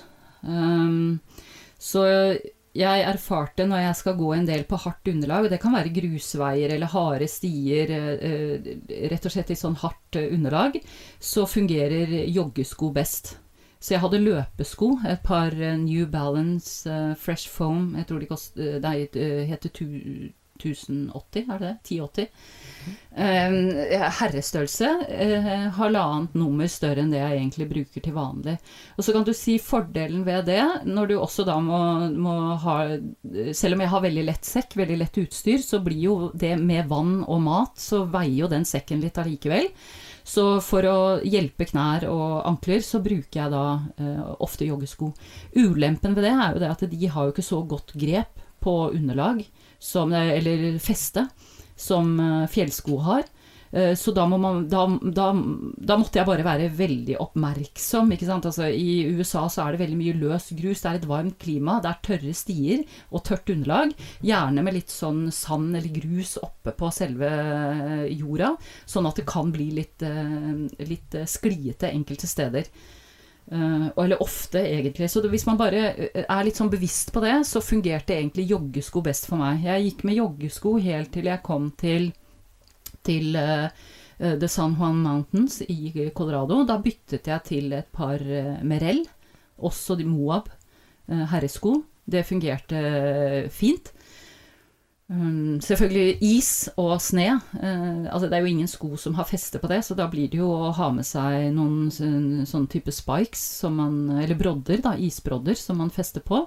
Um, men, eh, og de gikk jeg med helt til jeg kom til Wyoming. Og da, når man kommer til, eh, til Wyoming og til eh, Rollins, så starter man på noe som heter The Great Divide Basin, som jo egentlig er en stor, flat, tørr ørken. Eh, Så da byttet jeg til joggesko igjen. Så jeg, hadde, jeg bytt, switchet mellom de to typene sko, da. Jeg brukte fire par, par sko på den turen. Og i Portugal hadde jeg, hadde jeg joggesko hele veien. Kan jo, når du snakker på, altså, Hvor mye veier sekken din før du putter mat og vann? Uh, ja, det var det noen som spurte meg om her forleden dag. Og egentlig har jeg en sånn Jeg har egentlig et prinsipp. Og det er at jeg ikke veier sekken min. Jeg har ikke lyst til å vite hva den sekken veier, fordi jeg, jeg, det som er oppi der, det trenger jeg. Eh, og hvis jeg skal gå og tenke på det, så er det en psykologisk faktor som jeg, uh, som jeg egentlig ikke liker. Så den totalvekten på sekken, det aner jeg egentlig ingenting om når jeg har puttet vann og, og, og mat oppi der. Men uh, jeg tror det er 6,6 kilo den veier, og da er sekken inkludert. Da er kokeapparatet og gassen, eller propanen, inkludert. Eh, da er én kilo ekstra batteri og solar panel inkludert. Så den veier ikke så veldig mye. Nei. Kan du si noe, altså hva slags telt f.eks. bruker du? Uh, jeg har et uh, ettpersonstelt. Jeg tror det veier rundt 850 gram. Mm. Som, og dette, jeg brukte veldig mye tid faktisk på å se hva andre som går langturer, foretrekker. Uh, og disse store merkene altså Jeg veide det veldig frem og tilbake. Du har jo altså du har Big Agnes, du har uh, eh, MSR har jo fine telt, du har Nemo, men så har du jo også de mer ukjente som har uh, flotte telt. Seapack, Six Moons Designs altså det er, det er så mange som har telt og utstyret der ute, så egentlig så kan man jo få noe å sove i for helt ned til 300 gram. Men eh, det, det, teltet jeg har, det er, det er, relativt høyt, sånn at jeg kan sitte opp uten å måtte liksom bøye meg. Og det var litt viktig for meg, at du kan ha en viss sånn form for komfort, selv om teltet er ørlite. Uh, og så har det sideåpning, dvs. Si at når jeg våkner om morgenen, så kan jeg egentlig bare dra opp glidelåsen, så kan jeg ligge i soveposen og ha fantastisk utsikt. Ehm, det er, det er, så smalt at jeg kan sette det opp hvis du er ute i ulendt terreng, så f.eks. Idaho Centennial Train, så er det så mye, mye slake hellinger. Altså ikke slake engang. Altså det er så mye hellinger at det er på mange strekker ikke mulig å sette opp teltet annet enn midt på stien. Så, så, det, så jeg, jeg, gjorde noen sånne vurderinger rundt det teltet. Jeg er veldig fornøyd med det. Um, brukte det på Continental Divide, og også nå i, eh, i 2019, da jeg gikk i Idaho. Og du mm. holder fortsatt koken. Ja. Det er jo så klart viktig at du kan åpne det på sida og titte ut i de ett til to minuttene hvor du ligger og kjenner på hvor godt det er i soveposen før du skal slippe ut uh, lufta fra underlaget. Ja, ja, ja, ja. Det er, ikke, det er, ikke, kvantitet noen ganger, vet du, men det er kvalitet. De to minuttene, de er ganske viktige. Ett minutt og 48 sekunder med super utsikt. Ja. Ja. Men, men, du skal ha ganske god sjøldisiplin på en sånn tur som det er? Ja, det skal, det skal man ha. Men, men jeg endret jo Altså, det, det, kan vi snakke litt om. Men jeg vil bare litt tilbake til sko. Fordi eh, i tillegg til de, så, så, så jeg jo at langturvandrere i USA sverger jo mye til sånne ultras. Eh, Altra-sko. Ok, hva er det? Det er uh, trekkingsko som har veldig vid tåboks. Eh, og som også på en måte er lettvekt og har, uh, har, et godt gripefeste. Så da jeg skulle gå Idaho Centennial Trail, så, så byttet jeg faktisk. Jeg startet i ørkenen med, med New Balance uh, igjen, og så fikk jeg fløyte inn, akkurat som du da uh, får flydd inn noe proviant uh, ved hjelp av fly, så fikk jeg flydd inn til et homestead i Frank Church Wilderness et par sånne ultrasko som jeg brukte på resten av turen, hvor det var litt mer, hvor det var litt mer fjell og ulendt terreng. Da. De var jeg også veldig fornøyd med. Mm. Så, så det tenker jeg, Da jeg gikk til Trondheim i fjor, så, så gikk jeg med, med, New Balance og Ultras byttet på. Mm. Er det her noe man får tak i i Norge, eller? Eh, man kunne få tak i det på Bull ski og kajakk. Eh, men de sa det at nordmenn er så lite kjent med det merket at eh, de solgte ikke så mye av det. Så, så, veldig fint for meg. Så, så, solgte de de ut til 70% så nå har jeg noen par liggende i boten her som jeg skal ha med meg på turer fremover. Men jeg tror XXL faktisk eh, at de også har noen av de modellene. Mm. Som er veldig gode å gå i. Kanskje du kan eh, sende meg et par linker på sånne ting som vi snakker om eh, etterpå, så kan jeg legge det ut til følgerne? Ja, det kan jeg veldig gjerne gjøre. Det fins ja. utrolig mye bra lettvektsutstyr der ute. Mm. Vi kan også si at uh, neste episode av podkasten Uteliv det blir en, en ren lettvekts uh, turutstyr-episode. Så det mm. her spiller jo ganske sånn perfekt uh, opp til det, da.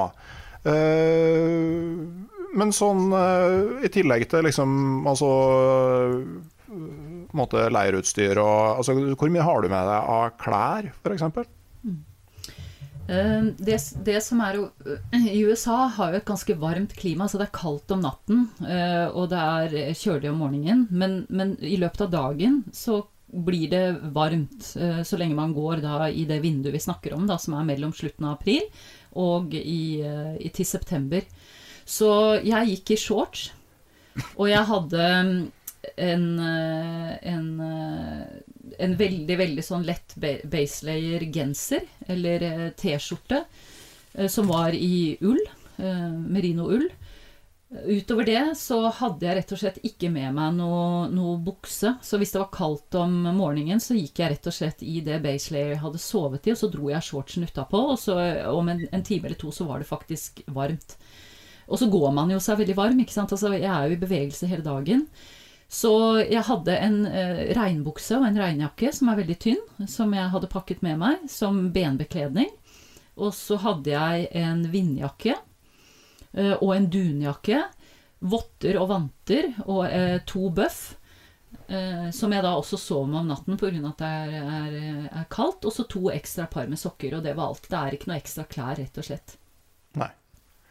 Eh, som eh, på en måte sånn nødutstyr, altså førstehjelp. Eh, hadde du noe sånn Hvordan er muligheten for å f.eks. få gitt beskjed hvis noe går gærent?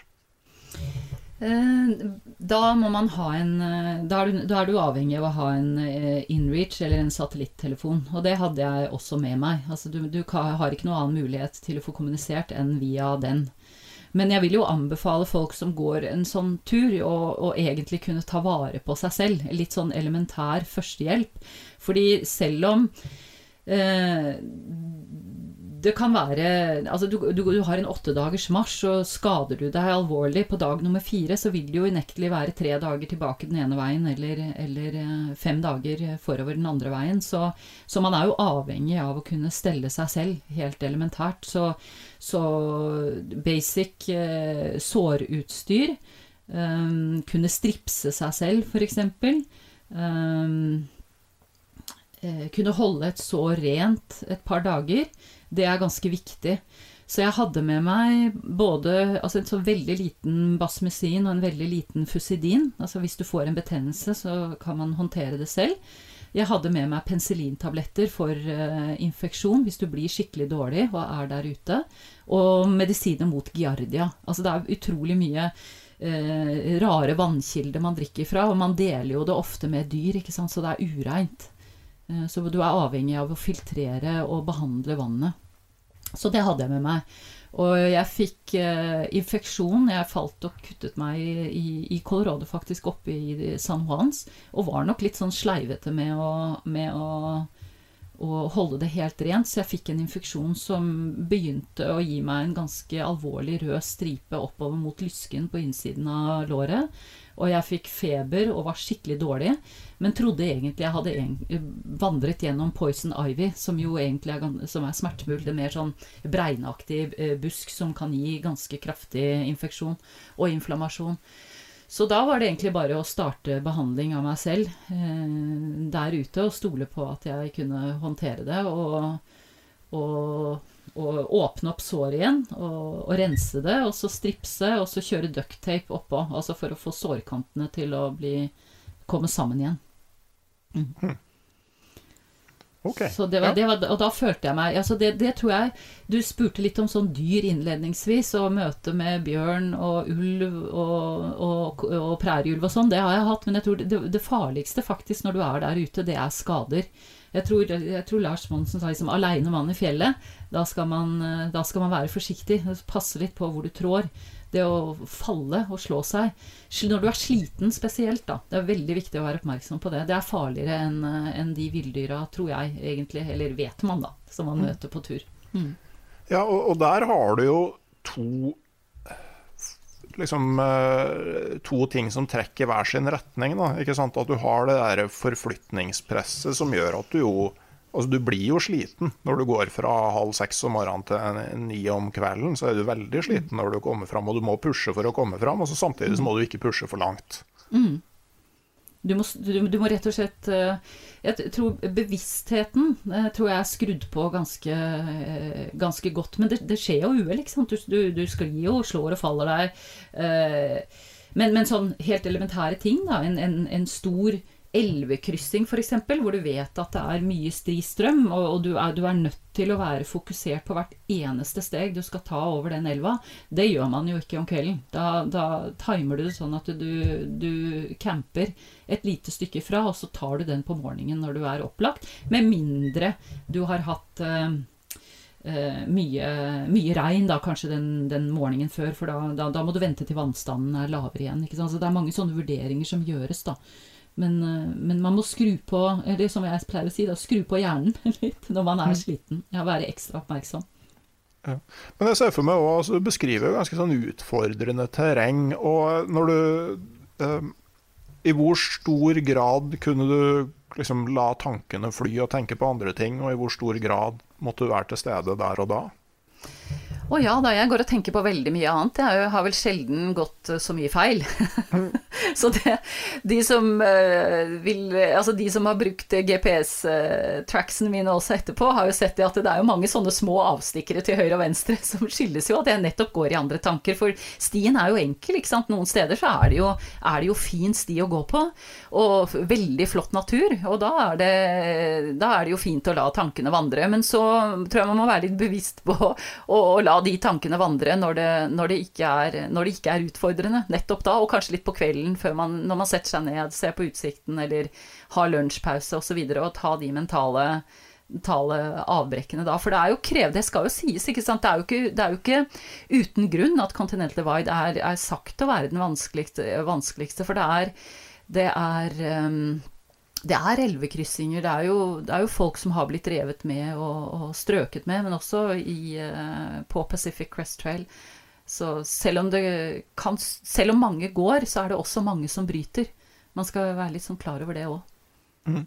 Ja, for det er, det, er, jo uh, sånn prosentmessig så er det mange av dem som starter som ikke fullfører. Det er jo det er mange mm. flere som bryter enn dem som kommer fram. Ja, det er det. Det er det. Og, og, der tror jeg Det er jo en helhet i det som, som, spiller inn. Altså, noen starter for hardt. Det er sant, Man starter jo ikke med å gå 50 km per dag på en tur på 5000 eh, eh, km. Så, så, jeg tenker det å, å kjenne seg selv litt, altså pushe seg, men ikke pushe seg for mye. Det er klart, det er veldig ubehagelig å, å, i starten å gå en sånn tur, og man får jo en del vondter og, og, og sår. Eh, som man egentlig da må overkomme. Og så er det den grensen av hva, hva, er du nødt til å stoppe opp og ta hensyn til? Når er det jeg må stoppe og lytte til kroppen?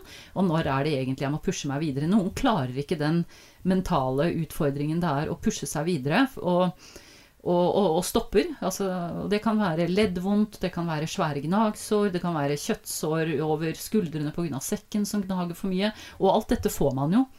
Alt dette får man jo. Så det, det er å vite um, det er å vite det at det kjøttsåret, det, det, det, det, er ikke det som kommer til å ta deg, på en måte. Men hvis du ikke lytter til uh, det kneet, så kan det hende at det kommer til å ta deg om 14 dager. Mm. Mm. Ja, for jeg tenker Det er en ganske sånn stor forskjell altså, å skjønne hvilke vondter som uh, forteller deg at du må ta det med ro, og hvilke mm. du i større grad kan overse. Mm.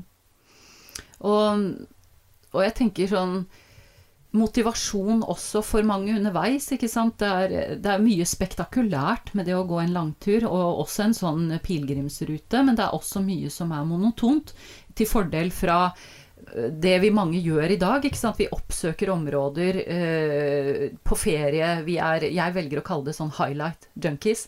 Vi elsker å ta en topptur, eller vi elsker å ta en padletur på Sjoa. Det, det, det, er opplevelsesintensivt, både når det gjelder eh, selve det man gjør, og naturen rundt. Mens en langvandring kan være ganske kjedelig. Altså det, det, er ikke all natur på Continental Divide som er like spektakulær. Men det å lære seg til å se det som er vakkert rundt deg til enhver tid, og finne andre ting som er vakkert, det tror jeg også er en sånn mental styrke. De som ikke klarte det, de brøt også. Mange brøt eh, etter at de hadde kommet ut av eh, Yellowstone National Park, f.eks. Ja, altså du, har, du, er forbi noe du har eh, du oppfatter som veldig spektakulært, og så, ja. og så er det kjedeligere terreng foran? Ja, da er det litt da er det stier, grusvei, litt trær, litt grønt, eh, litt karrig. Eh, et flatt eh, et, et, et, The Great Divide Basin som egentlig bare er tørt gress i dagevis. Altså det, Mesetaen f.eks. i Spania, på, på pilegrimsruta, er det mange som dropper fordi det er kjedelig. Så jeg tror også det handler om en langvandring, handler jo også den kontakten med den delen av naturen som også i og for seg er veldig langsom. Å finne gleden i det monotone landskapet, som for meg En flat ørken, f.eks. sør på Idaho Centennial Trail, er jo noe av det vakreste jeg vet. Altså det, er, det, er noe, det, er, nesten sånn det, det, er sånn veldig fredfullt, uh, fredfullt landskap. Og så møter man seg selv, tror jeg. Altså, du møter mange flere elementer i deg selv når det er mindre spektakulært rundt deg. Da. Mm. Og er man da kjempesliten etter å ha gått 3000 km, så, så, skal du ha en liten mental hestekreft, eller kraft til, for å bikke. Mm. Og så tror jeg jo da at et veldig stort skille på sånne langturer går mellom dem som har lyst til å ha gjort det, og dem som har en reell glede av å faktisk gjøre det og være underveis. At uh, hvis drivkraften er å ha gjort og du egentlig ikke trives så godt med situasjonen, så skjønner jeg jo at det blir veldig vanskelig å holde ut. Mm. Ja, det, ja, det, tror jeg faktisk du har helt rett i. Det, det, det tror jeg også at jeg så, og mange eh, som både hadde litt den der erobretankegangen og den, den, kanskje ikke genuine opplevelsen eller interessen av å være på tur, de sleit nok kanskje også mer for å hente frem det mentale, tror jeg. Uh, underveis. Og, og, for de som sitter og lurer på om man, man trenger å være veldig trent, så syns jeg det er en, det er en uh, god ting egentlig som kommer fra den filmen 'Wild' med, med Reece Witherspoon som portretterer selv uh, den PCT, en, en, en tur langs PCT. Hvor det er en av disse gutta som er veldig veltrent. og egentlig da sånn sett skulle man tro hadde veldig store fysiske utfordringer for å kunne ta en sånn langtur. Men han, er, han bryter. Mens denne, den, denne dama som egentlig er fullstendig utrent og, og, kanskje ikke har noen friluftsforutsetninger for å kunne vandre på PCT, hun klarer faktisk å hente fram det som trengs for å, for å komme seg i mål da, i likhet med mange andre. I likhet mm. med veldig mange andre. Men du snakker jo òg, i hvert fall sånn i hermetegn, om å starte relativt rolig. altså Du kan ikke bare dele opp turen, eh, altså ta distansen og dele på de dagene du skal bruke, og så eh, dundre i vei. Altså for du, Hvis du klarer å ta det litt rolig i starten, så blir man jo i veldig god form etter hvert. Det gjør man. Og, og, til de som lurer på om jeg hadde trent veldig mye før jeg begynte på Continental White Trail, så hadde jeg jo ikke det. Jeg hadde sittet fryktelig mye på kontoret. Så, så, jeg må jo si at både det som kondisjons- og styrkemessig, så, så, var jo også det ganske brutalt til å begynne med. Og, men dagsetapper på 2,5 mil, 3 mil, det, det, det tror jeg er lurt i begynnelsen, istedenfor å legge opp til at man skal prøve å pushe eh, 45-50 fra dag én. Mm. Går du med staver, forresten? Ja, det gjør jeg. Mm. Og, og, det er eh, De er til veldig god eh, hjelp i, i uh, oppoverbakker. Altså det at rett og slett bruke kjernemuskulaturen. Koble på, koble på mager og armer og gi deg selv drahjelp oppover. Men også utrolig bra for knærne når du går nedover. Mm. Så jeg bruker de veldig aktivt. Ja. Mm. Nei, for det, det, kjenner jeg igjen fra sånn type lang tur. Altså det er åpenbart at du får brukt mer av kroppen når du bruker armene òg. Mm. Men uh, du har jo nevnt uh, det som ble din neste langtur, Idaho Centennial Trail. Og den tror jeg ikke det er veldig mange som har hørt om i Norge. Og det her er litt mer sånn, uh, enda mer sånn nybrottsarbeid. Det er det. det. det. er en idé noen fra Idaho, friluftsfolk fra Idaho, hadde mange, mange år tilbake, om at de ønsket å lage en langtur gjennom eh, Idaho fra syd, grensen mot Nevada, og opp til Canada. Og det ble egentlig såpass ufremkommelig og ugjennomtrengelig og vanskelig at det var liksom ikke så mange som, som hektet seg på den uh, ideen. og det ble heller aldri noen gjennomgående sti, og jeg tror at de kaller det Eh, den lengste bushwacken, altså den mest, eh, mest eh, ja, Jeg vet ikke hvordan man oversetter det til norsk, egentlig. Rett og slett bare vandring gjennom busk og kratt og ugjennomtrengelig terreng. mer enn egentlig man kunne si at det var en, en, en klar vandresti. Men det, det, som er spesielt med Idaho Centennial Trail, er jo at den går gjennom en del utrolig flotte villmarksområder i USA, og det regnes jo for å være det um, eh, lengste sammenhengende villmarksområdet i, eh, i, USA, hvis man ser bort fra da Alaska. Eh, på hver sin måte. Og jeg tenkte jeg egentlig, jeg visste ikke om den, jeg hadde ikke tenkt på det. Jeg var ferdig med å gå Continental Divide Trail og var eh, helt satt ut av å eh, være ferdig med å være på tur. Jeg syntes det var vanskelig å komme tilbake til sivilisasjonene. sivilisasjonen. Jeg hadde en uke ekstra i Colorado hvor jeg klatret eller gikk disse fourteeners. Uh, og så sitter det en på hostellet på kvelden og snakker om, uh, om uh, Idaho Centennial Trail. Det tror jeg hadde vært noe for deg. Og da ble nysgjerrigheten vekket. Så da tenkte jeg ja, det er nok noe for meg. Mm. Men altså, det høres jo ut altså, Hvordan er terrenget, hvordan er framkommeligheten? Det her er en tur på 1600 km. Mm. Men du, du, rangerer den som en røffere tur enn Continental Divide Trail, som da er eh, omtrent tre ganger så lang. Det gjør jeg, og jeg er faktisk uh, veldig stolt uh, over å ha gjennomført den, den turen. Jeg tenker sånn i dag hvor alt skal være langt, og det skal være fort, og det skal være veldig, sånn, veldig mye er prestasjonsorientert, ak akkurat som vi var inne på litt i sted, og som du snakket med Strømdal om. altså det, dette med, med jaget. Eh, det, det, skal være, det, skal være, spektakulært for å fatte oppmerksomhet. Eh, og når jeg sier at jeg har gått 5000 km, så syns man det er helt eh, ekstraordinært. Eh, og det, kan hende, det kan hende det er fordi det er langt. Men det var vanskeligere å gå Idaho Centennial Trail, og det er fordi provianteringen er vanskeligere. Altså det er, det, du vet ikke så veldig mye om eh, områdene man går inn i. Uh, tross alt på Continental Divide Trail så, så er liksom det, det, er identifisert noen vannkilder. Du vet lite grann at nå kommer jeg inn i et strekk hvor jeg kanskje er nødt til å ha med meg vann, fordi det er 2,5 mil til neste vannkilde. På, på, på Idaho Centennial Trail så vet man ikke det. Sånn at ting er veldig mye mer uvisst og veldig mye mer ukjent. Og stiene der, og det handler litt om USA i, generelt, det er jo at stinettet det vedlikeholdes ikke så mye nå som det ble gjort tidligere. Man legger opp til at nasjonalparkene får mer midler. Og at disse campgrounds som er knyttet knyttet mer til der hvor man kan kjøre til, parkere bil, ha tilrettelagt eh, med, med eh, grillplasser osv. De, de delene av fri, friluftslivet får mer penger enn det som går egentlig til å utbedre og vedlikeholde stinettet.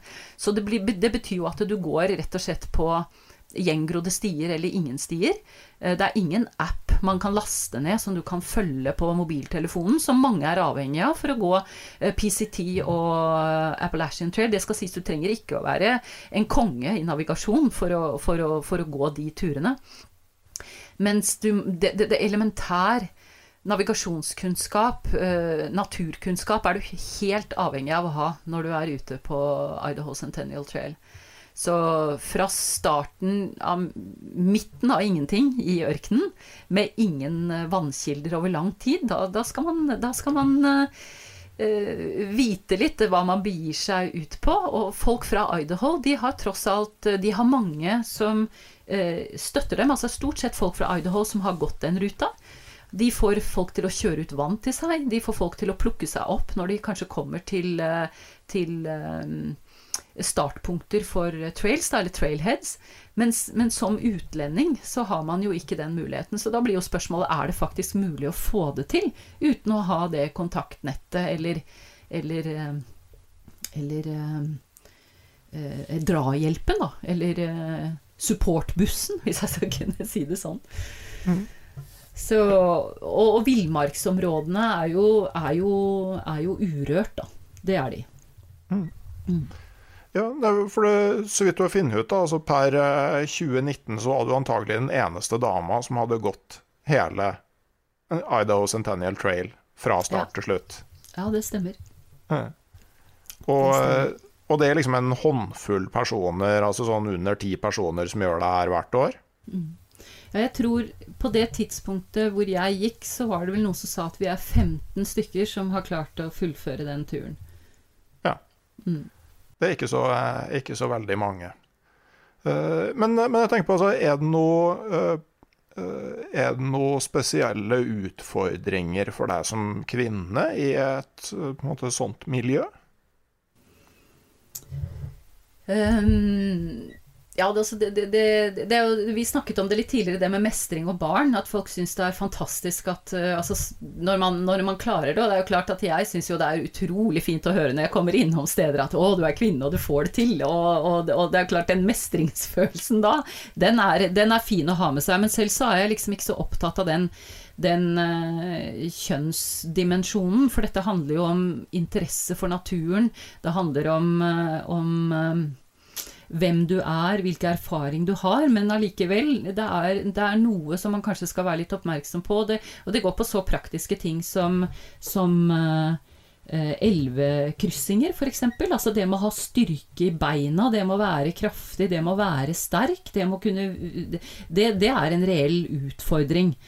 Men, men, som kvinne så er det heller når du går inn og ut av uh, små byer, uh, det å det å Altså, du kan være utsatt som kvinne fordi altså det, Og dette handler om overfall. Det handler om kontakt med, eh, med, med folk, mer enn det egentlig handler om, om naturen som sådan.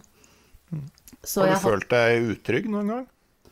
Ja, det, eh, på den Portugal-turen så følte jeg meg utrygg. Da ble jeg forsøkt eh, dratt inn i en bil. Eh, så da var jeg ganske oppmerksom på at når jeg gikk på kvelden, og, jeg var i nærheten av eh, en bilvei f.eks., så passet jeg på å hoppe inn i buskene og gjemme meg. Og det, det er litt sånn, det, det, tror jeg kanskje man ikke ville gjort hvis man var, var mann. Og så campet jeg på et lite lurt sted. Som, Vi snakket jo om det. ikke sant? Jeg pleier å ha teltet mitt et sted som, som er litt vekk fra, fra allfarvei, da. Selv om du kan ha en teltplass i nærheten av en ATV road eller en, en kjerrevei, så prøver jeg å legge meg litt skjult. Men eh, helt på tampen av Idaho Centennial Trail så var jeg veldig sliten. Og det var et lite sted hvor de hadde tilrettelagt med en slags fishpond. Det var ikke så veldig mange andre muligheter for å campe. Og jeg, eh, gjorde en feilvurdering, og jeg slo opp teltet mitt der jeg innså at det kunne også parkeres biler. Og så kom det en gjeng med, med Nå er jeg kanskje litt uh, uh, Kanskje jeg ikke burde bruke ordet rednecks, men det kom en, det kom en gjeng med rednecks i en, i en svær, feit pickup truck som hadde drukket utrolig mye, og som hadde våpen og musikk på full guffe, og de skulle ha det gøy. Uh, og de kjørte da rundt på den plassen, og helt til de oppdaget med frontlysene at der var det et telt. Og da ble det Harla Balai og Baluba. Um, og det var veldig ubehagelig. Hvor de satt på frontlysene på teltet. Eh, dro opp eh, våpen og klikker med det og skyter litt i lufta, som de jo gjerne Altså, de drar jo ut for å feste og drikke øl og ligge og skyte på ting. Det, jo, det, det gjør man jo i Midtvesten. Det er jo en syssel, så det hadde jeg på en måte vent meg til. Men den aggressiviteten i musikken, de tekstene til den, de melodiene, det de gutta sto og sa hva de hadde tenkt til å gjøre hvis det var en dame inne i det teltet, det, det gjorde meg livredd, faktisk. Og jeg tenkte skal jeg gå ut, gi meg til kjenne, be dem om å være stille, eller skal jeg rett og slett bare ligge her? Så jeg lå musestille i ja, nesten en time mens det der pågikk. Og så tenkte jeg at jeg gir meg, jeg går i hvert fall ikke ut. Jeg, altså, de må ikke se at det er en dame. Jeg later som jeg sover. Og så kjørte de. Og så tenkte jeg det at eh, de kan jo komme tilbake. Eh, jeg burde egentlig dra opp teltet, og så bør jeg flytte meg. Men hva om de kommer før jeg Hva om de kommer tilbake før jeg flytter meg? Hva om de ser at det er meg? Hva om de ser at det er en dame i kortbukser som løper rundt her? Jeg telter aldri sånn igjen. Nei. Ja, det høres ikke noe sånn veldig koselig ut, nei. Det... Så jeg tror også i filmen 'The Wild' med, med Cheryl, Cheryl Strayed, så, så, portretterer hun også en sånn lignende episode, da. Så det tror jeg er det eneste jeg ville sagt til damer. At bare vær litt bevisst. Mm. Mm. Ok.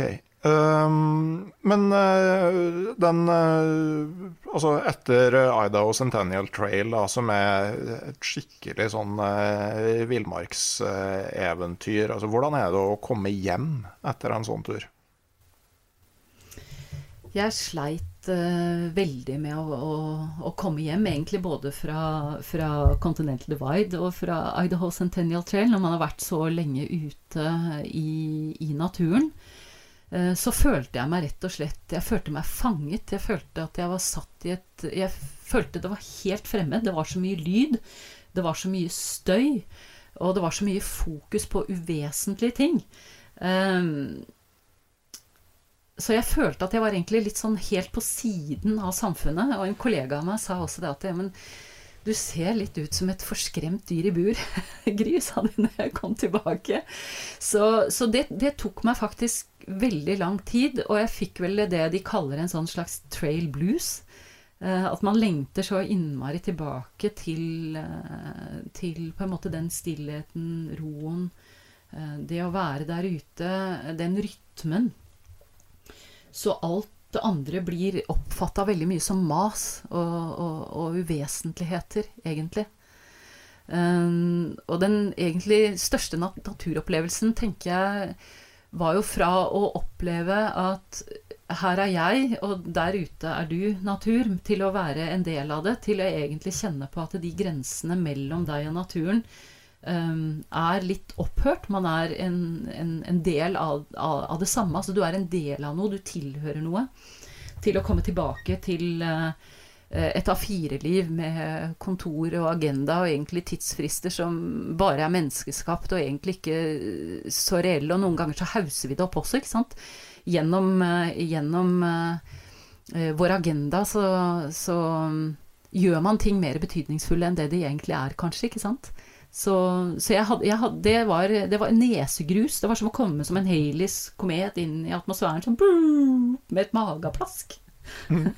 Det er jo litt eh, Jeg har jo eh, hatt bekjente som har eh, liksom vært så superstressa over jobb og sånn at det har endt med kollaps. Og dem har jo hele tida trodd at hvis de ikke får gjort de tinga de skal, så, så, skjærer jo alt seg på jobb.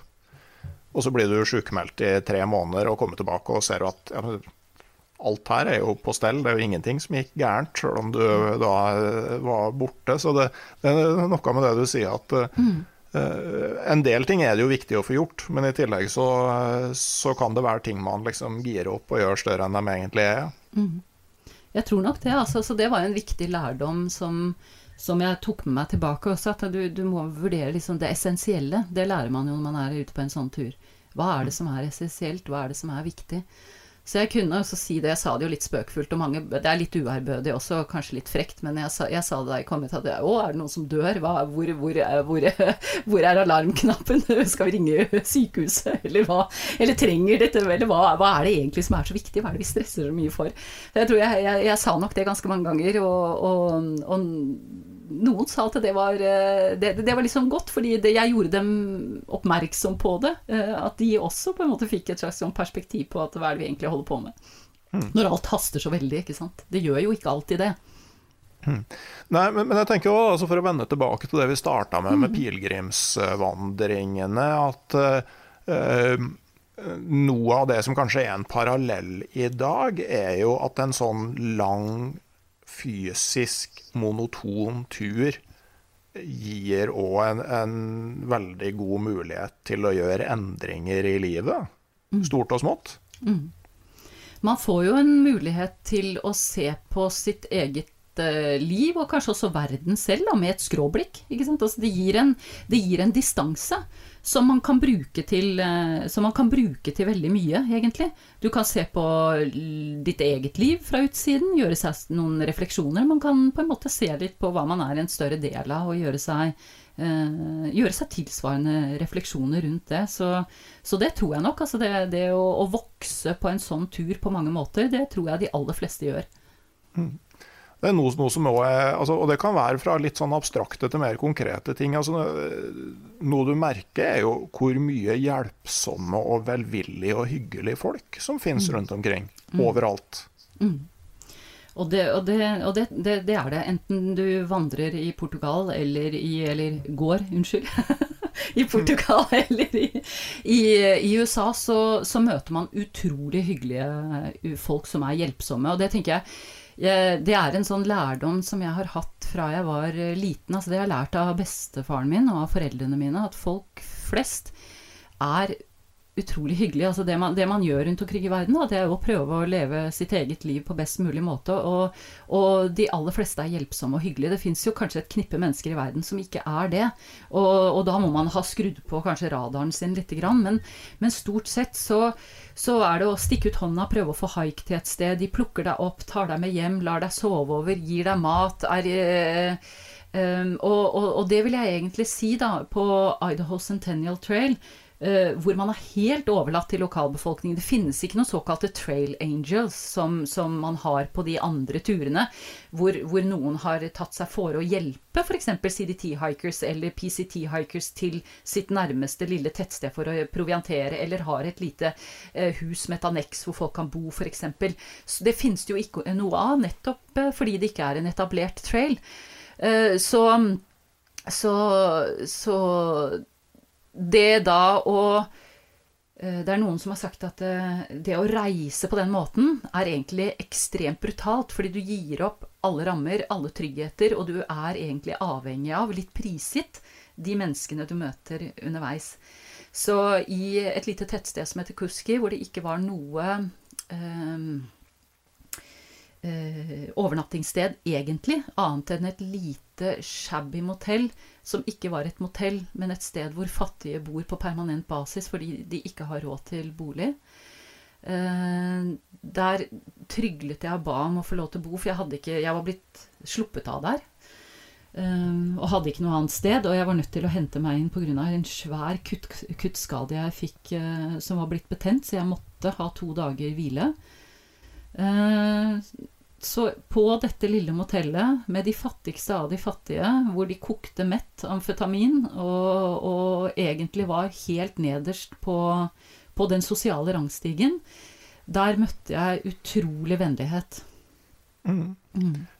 Og jeg tenker jo sånn nå i dag, ikke sant Mange har jo, sånn i etterkant av presidentvalg i USA f.eks., lett for å mer eller mindre demonisere de mange titalls millionene som stemte på en kandidat man sjøl ikke likte. Og så tenker jeg at det er, ganske, altså, det er helt vanlige, veldig bra folk bak eh, som kanskje har et annet syn på ting, men jeg oppfatter i hvert fall som veldig verdifullt å liksom komme ned på bakkenivå. Og mm. treffe de enkeltmenneskene som du kanskje ikke er enig uh, med alt her i verden om. Mm. Men at du på en måte kan finne sammen på et mer sånn grunnleggende menneskelig plan. Der man likevel kan ha det hyggelig sammen og, og være til hjelp for hverandre. Mm. Det er nok et veldig viktig perspektiv, og en av de som er store på konflikthåndtering, eller på konfliktløsning. Eh, jeg har jo sagt det at eh, jeg tror du skal det å vandre, egentlig det å være turist, det å sette seg inn i andres eh, verden, eh, det å ha venner på tvers av interesser, politiske skillelinjer, er noe av det aller viktigste man kan gjøre. Og jeg møtte vel flere folk eh, på disse vandringene som hadde et annet politisk syn enn det jeg har, enn en, en de som var, var like meg. Men men veldig, veldig flotte mennesker. Og, og, så lever de annerledes. ikke sant? Det å leve i Midtvesten i USA, enten det er langt ute i Wyoming, eh, Montana eller Idaho, det er faktisk noe annet enn å leve i Washington eller, eller New York. Og det tror jeg man skal ha litt respekt for, og litt forståelse for. Så sånne søte ting som altså, Og det har jeg bare lyst til å si. Sånn, jeg, jeg, lå der og var livredd på dette metamfetaminmotellet, og, og, det var jo så skittent at jeg trodde jeg skulle bli, bli mer, få mer infeksjon i det såret enn jeg egentlig skulle klare å stelle meg. Og ikke var det lås på døra, for den var brutt opp av noen i en eller annen eh, narkotikakamp. Men, eh, men, i hvert fall så sa jeg at jeg var veldig redd for å sove der, da, siden det ikke var noen lås på, på døra. Så da, da knakker det på litt senere, så sier han Men hvis du blir veldig redd, og hvis du blir helt hysterisk midt på natten, så kan du bare komme til meg og kona mi, for vi bor her borte i nummer 17. Og så kan vi ha en madrass klar på gulvet til deg, og så kan du få lov til å sove her inne hos oss hvis du blir veldig redd. Så, så, og, og, og, Nei, det er helt det, jeg, må, jeg, må, si det at, at um, det er, det er, jeg fikk veldig respekt for Jeg fikk veldig respekt for, for mange menneskeskjebner på på den turen. Mm. Mm. Sånn, uh, siste ting å nevne fra New Zealand. Altså, Hilde og jeg vi, ble, vi, vi, var ute og gikk på julaften. Mm. Og det hagla med invitasjoner til julelunsj og julemiddag når vi, mm. vi var innom og drakk kaffe hos en familie. Men uh, altså Og jeg må være så ærlig at jeg sier at jeg tror kanskje ikke jeg hadde gjort det samme. Hvis det hadde kommet noen tassende ut av Østenstadmarka i Trondheim noen eh, italienere på vei Norge på langs på julaften, mm. kan jeg med hånda på hjertet si at jeg har sagt liksom, så kult, kom inn og spis julemiddag med oss? Jeg vet ikke. Nei, det, det, det, det, kjenner jeg meg egentlig litt igjen i. Det er ikke sikkert jeg hadde, hadde gjort det samme heller. Og, det, og, det, det, skal sies at vi møtte mange som ikke nødvendigvis hadde så store utfordringer som jeg her skisserer, men grunnen til at jeg trakk fram det eksempelet, var nettopp fordi man tenker at det er, det, det er et samfunnslag hvor man kanskje ikke får så mye støtte fra. Men, men eh, det å låne bil, f.eks. Hvem ville satt igjen Ville jeg satt igjen bilen min oppe på parkeringsplassen her med en lapp i, i, eh, i ruta og si det at eh, Norge på langsvandrere. Denne bilen kan du fritt benytte. Ring meg eller send meg en SMS, så skal jeg fortelle deg hvor nøkkelen er. Og så kan du bruke bilen til å kjøre rundt og proviantere der hvor du måtte trenge det. Hadde jeg gjort det? Det er ikke sikkert. Ikke sånne, sånne, ting møter man veldig, veldig mye av i USA, da. I et community-based samfunn som de egentlig da sikkert har hatt helt fra utvandringen og innvandringen. Mm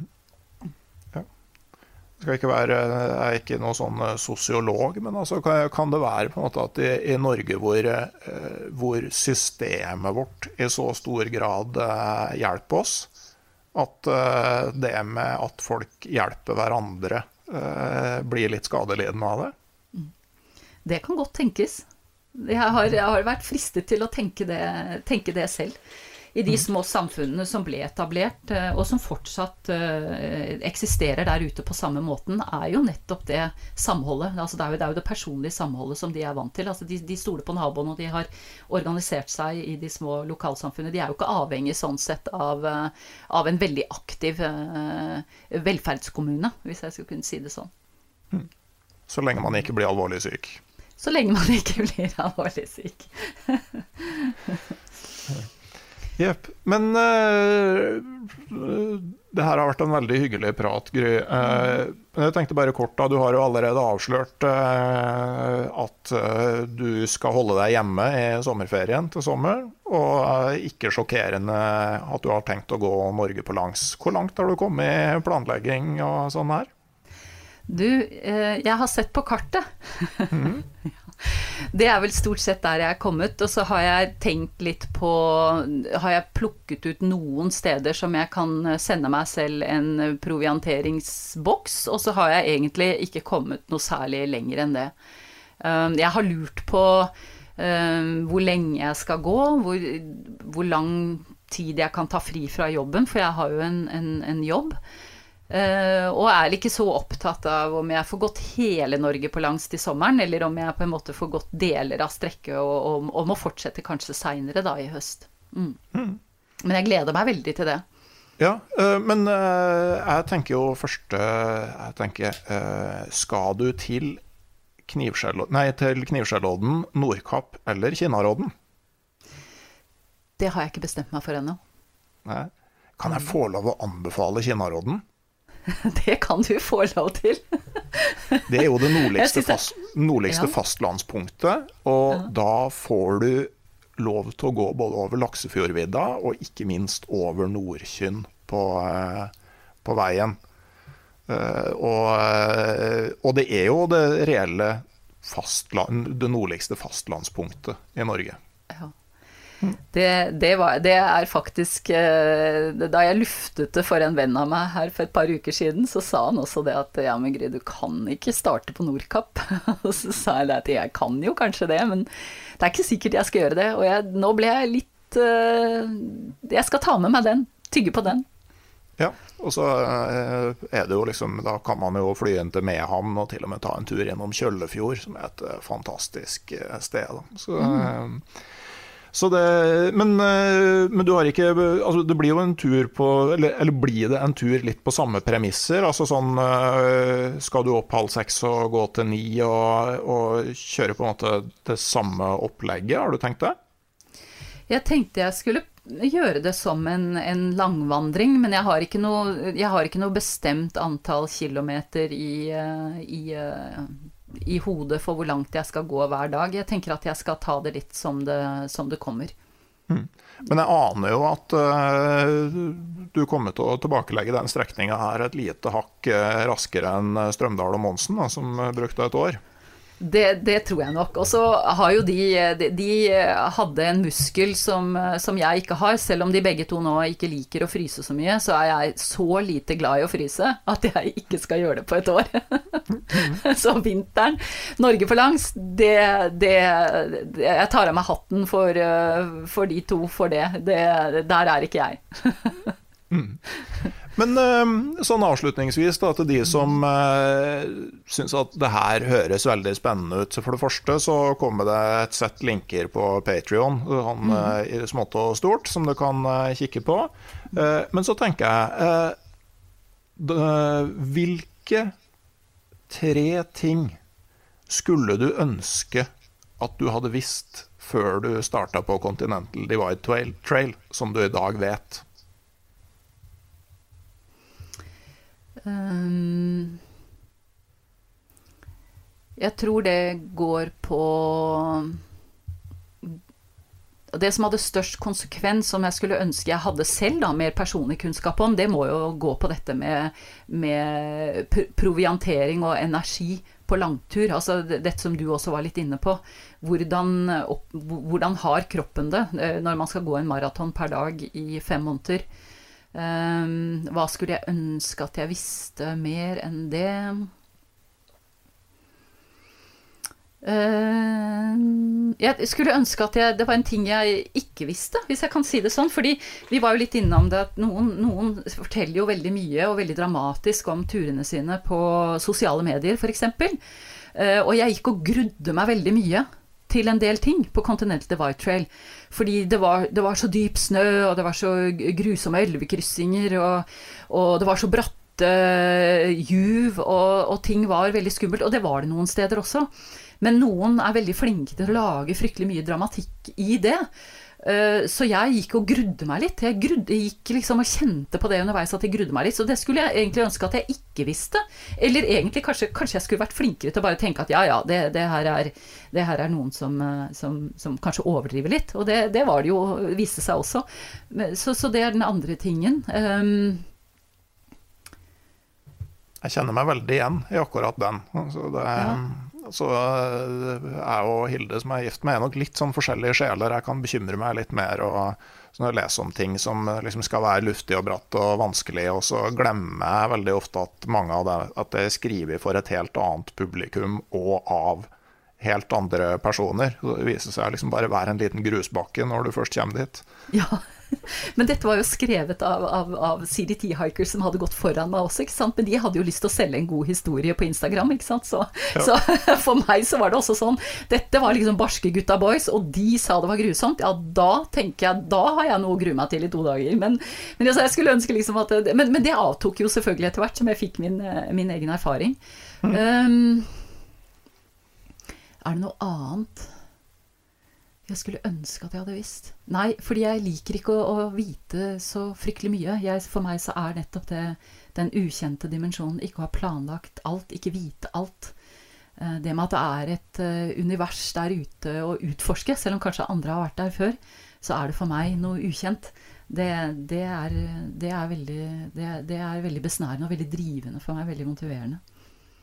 Det er et veldig veldig godt poeng. Og jeg, I den artikkelen jeg skrev til Aftenposten, så intervjua jeg en som hadde gått Pacific Crest Trail, som sa at mm. liksom, det er sånn å planlegge detaljert dag for dag hvordan du skulle gå, det var bortkasta tid som man heller kunne brukt på noe nyttig, sånn som karaoke. Ja. jo, litt sånn også Jeg hadde jo aldri f.eks. tatt en liten sånn avstikkertur til, til en, en, gammel mining town som heter Atlanta i Idaho. Altså, de har jo en stor gullgraverhistorie i den staten. Eh, hvis jeg hadde vært for fiksert på all denne planleggingen. Um, jo, én ting som jeg kanskje kunne ha tenkt meg at jeg visste før jeg dro på Idaho Centennial Trail, var at uh, denne fantastiske villmarksområdet heter, som heter Frank Church River on No Return Wilderness Bare navnet gjør at man har lyst til å uh, bli der inne for alltid. Det er også et sted hvor de har uh, elver, altså fantastiske rafting-elver. Så der inne i den villmarken, som egentlig var en secluded villmark, så så jeg mer folk enn jeg gjorde kanskje mange andre steder på turen. Så det var jeg veldig uforberedt på. Og så bare sånn avslutningsvis, som en liten sånn kuriosa, så har de da i den staten noe som kalles for plane camping. Vi har vel alle hørt om glamping, glamorøs camping. Glam, plain plane camping er jo de som tar privatflyet sitt og flyr inn til disse homesteadsene inn i villmarken, for der har de små landingsstriper. Og så camper de og koser seg. Lager amerikanske pannekaker og egg og bacon. Fisker litt, og så drar de hjem igjen i flyet sitt. Så det var jeg også litt sånn uforberedt på, men det, det var jo også en, en kuriøs og en fin opplevelse. Mm. Men litt overveldende. Mye folk. Ja. Kan nevne der som sånn eh, at en av liksom de amerikanske fluefiskelegendene, Lee Wolf, han var også mm. Bush-pilot for å da å kunne komme fram til de beste plassene å fiske. Ja. Så, så det, Nemlig. Alt er større i USA. Alt er større i USA. Tusen takk for at du eh, ville eh, være med her, eh, Gry Folge. Det her ble en interessant prat. Jeg håper vi har klart å få noen til å kanskje ta avgjørelsen om at yes, nå skal jeg faktisk gå litt langt. Det ville jo vært fint. Ja, det ville vært kjempefint. Det anbefaler jeg.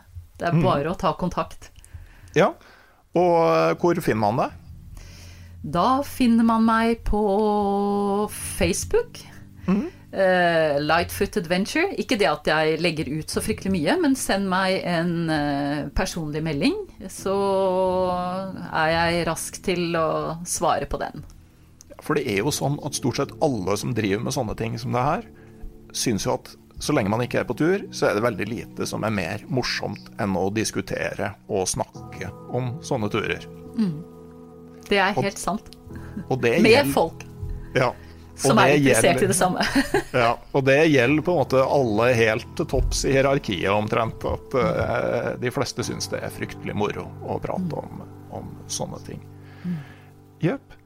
Eh, da har vi kommet til enden på nok en episode av eh, podkasten eh, Uteliv. Som sagt så legger vi ut litt linker og sånn på Patrion. Det begynner stadig å bli en større gjeng som støtter podkasten der. Det er noen titalls til, så blir det sommerepisoder hver 14. dag av podkasten Uteliv. Og uansett så blir det en ny episode om ei uke. Ha det bra.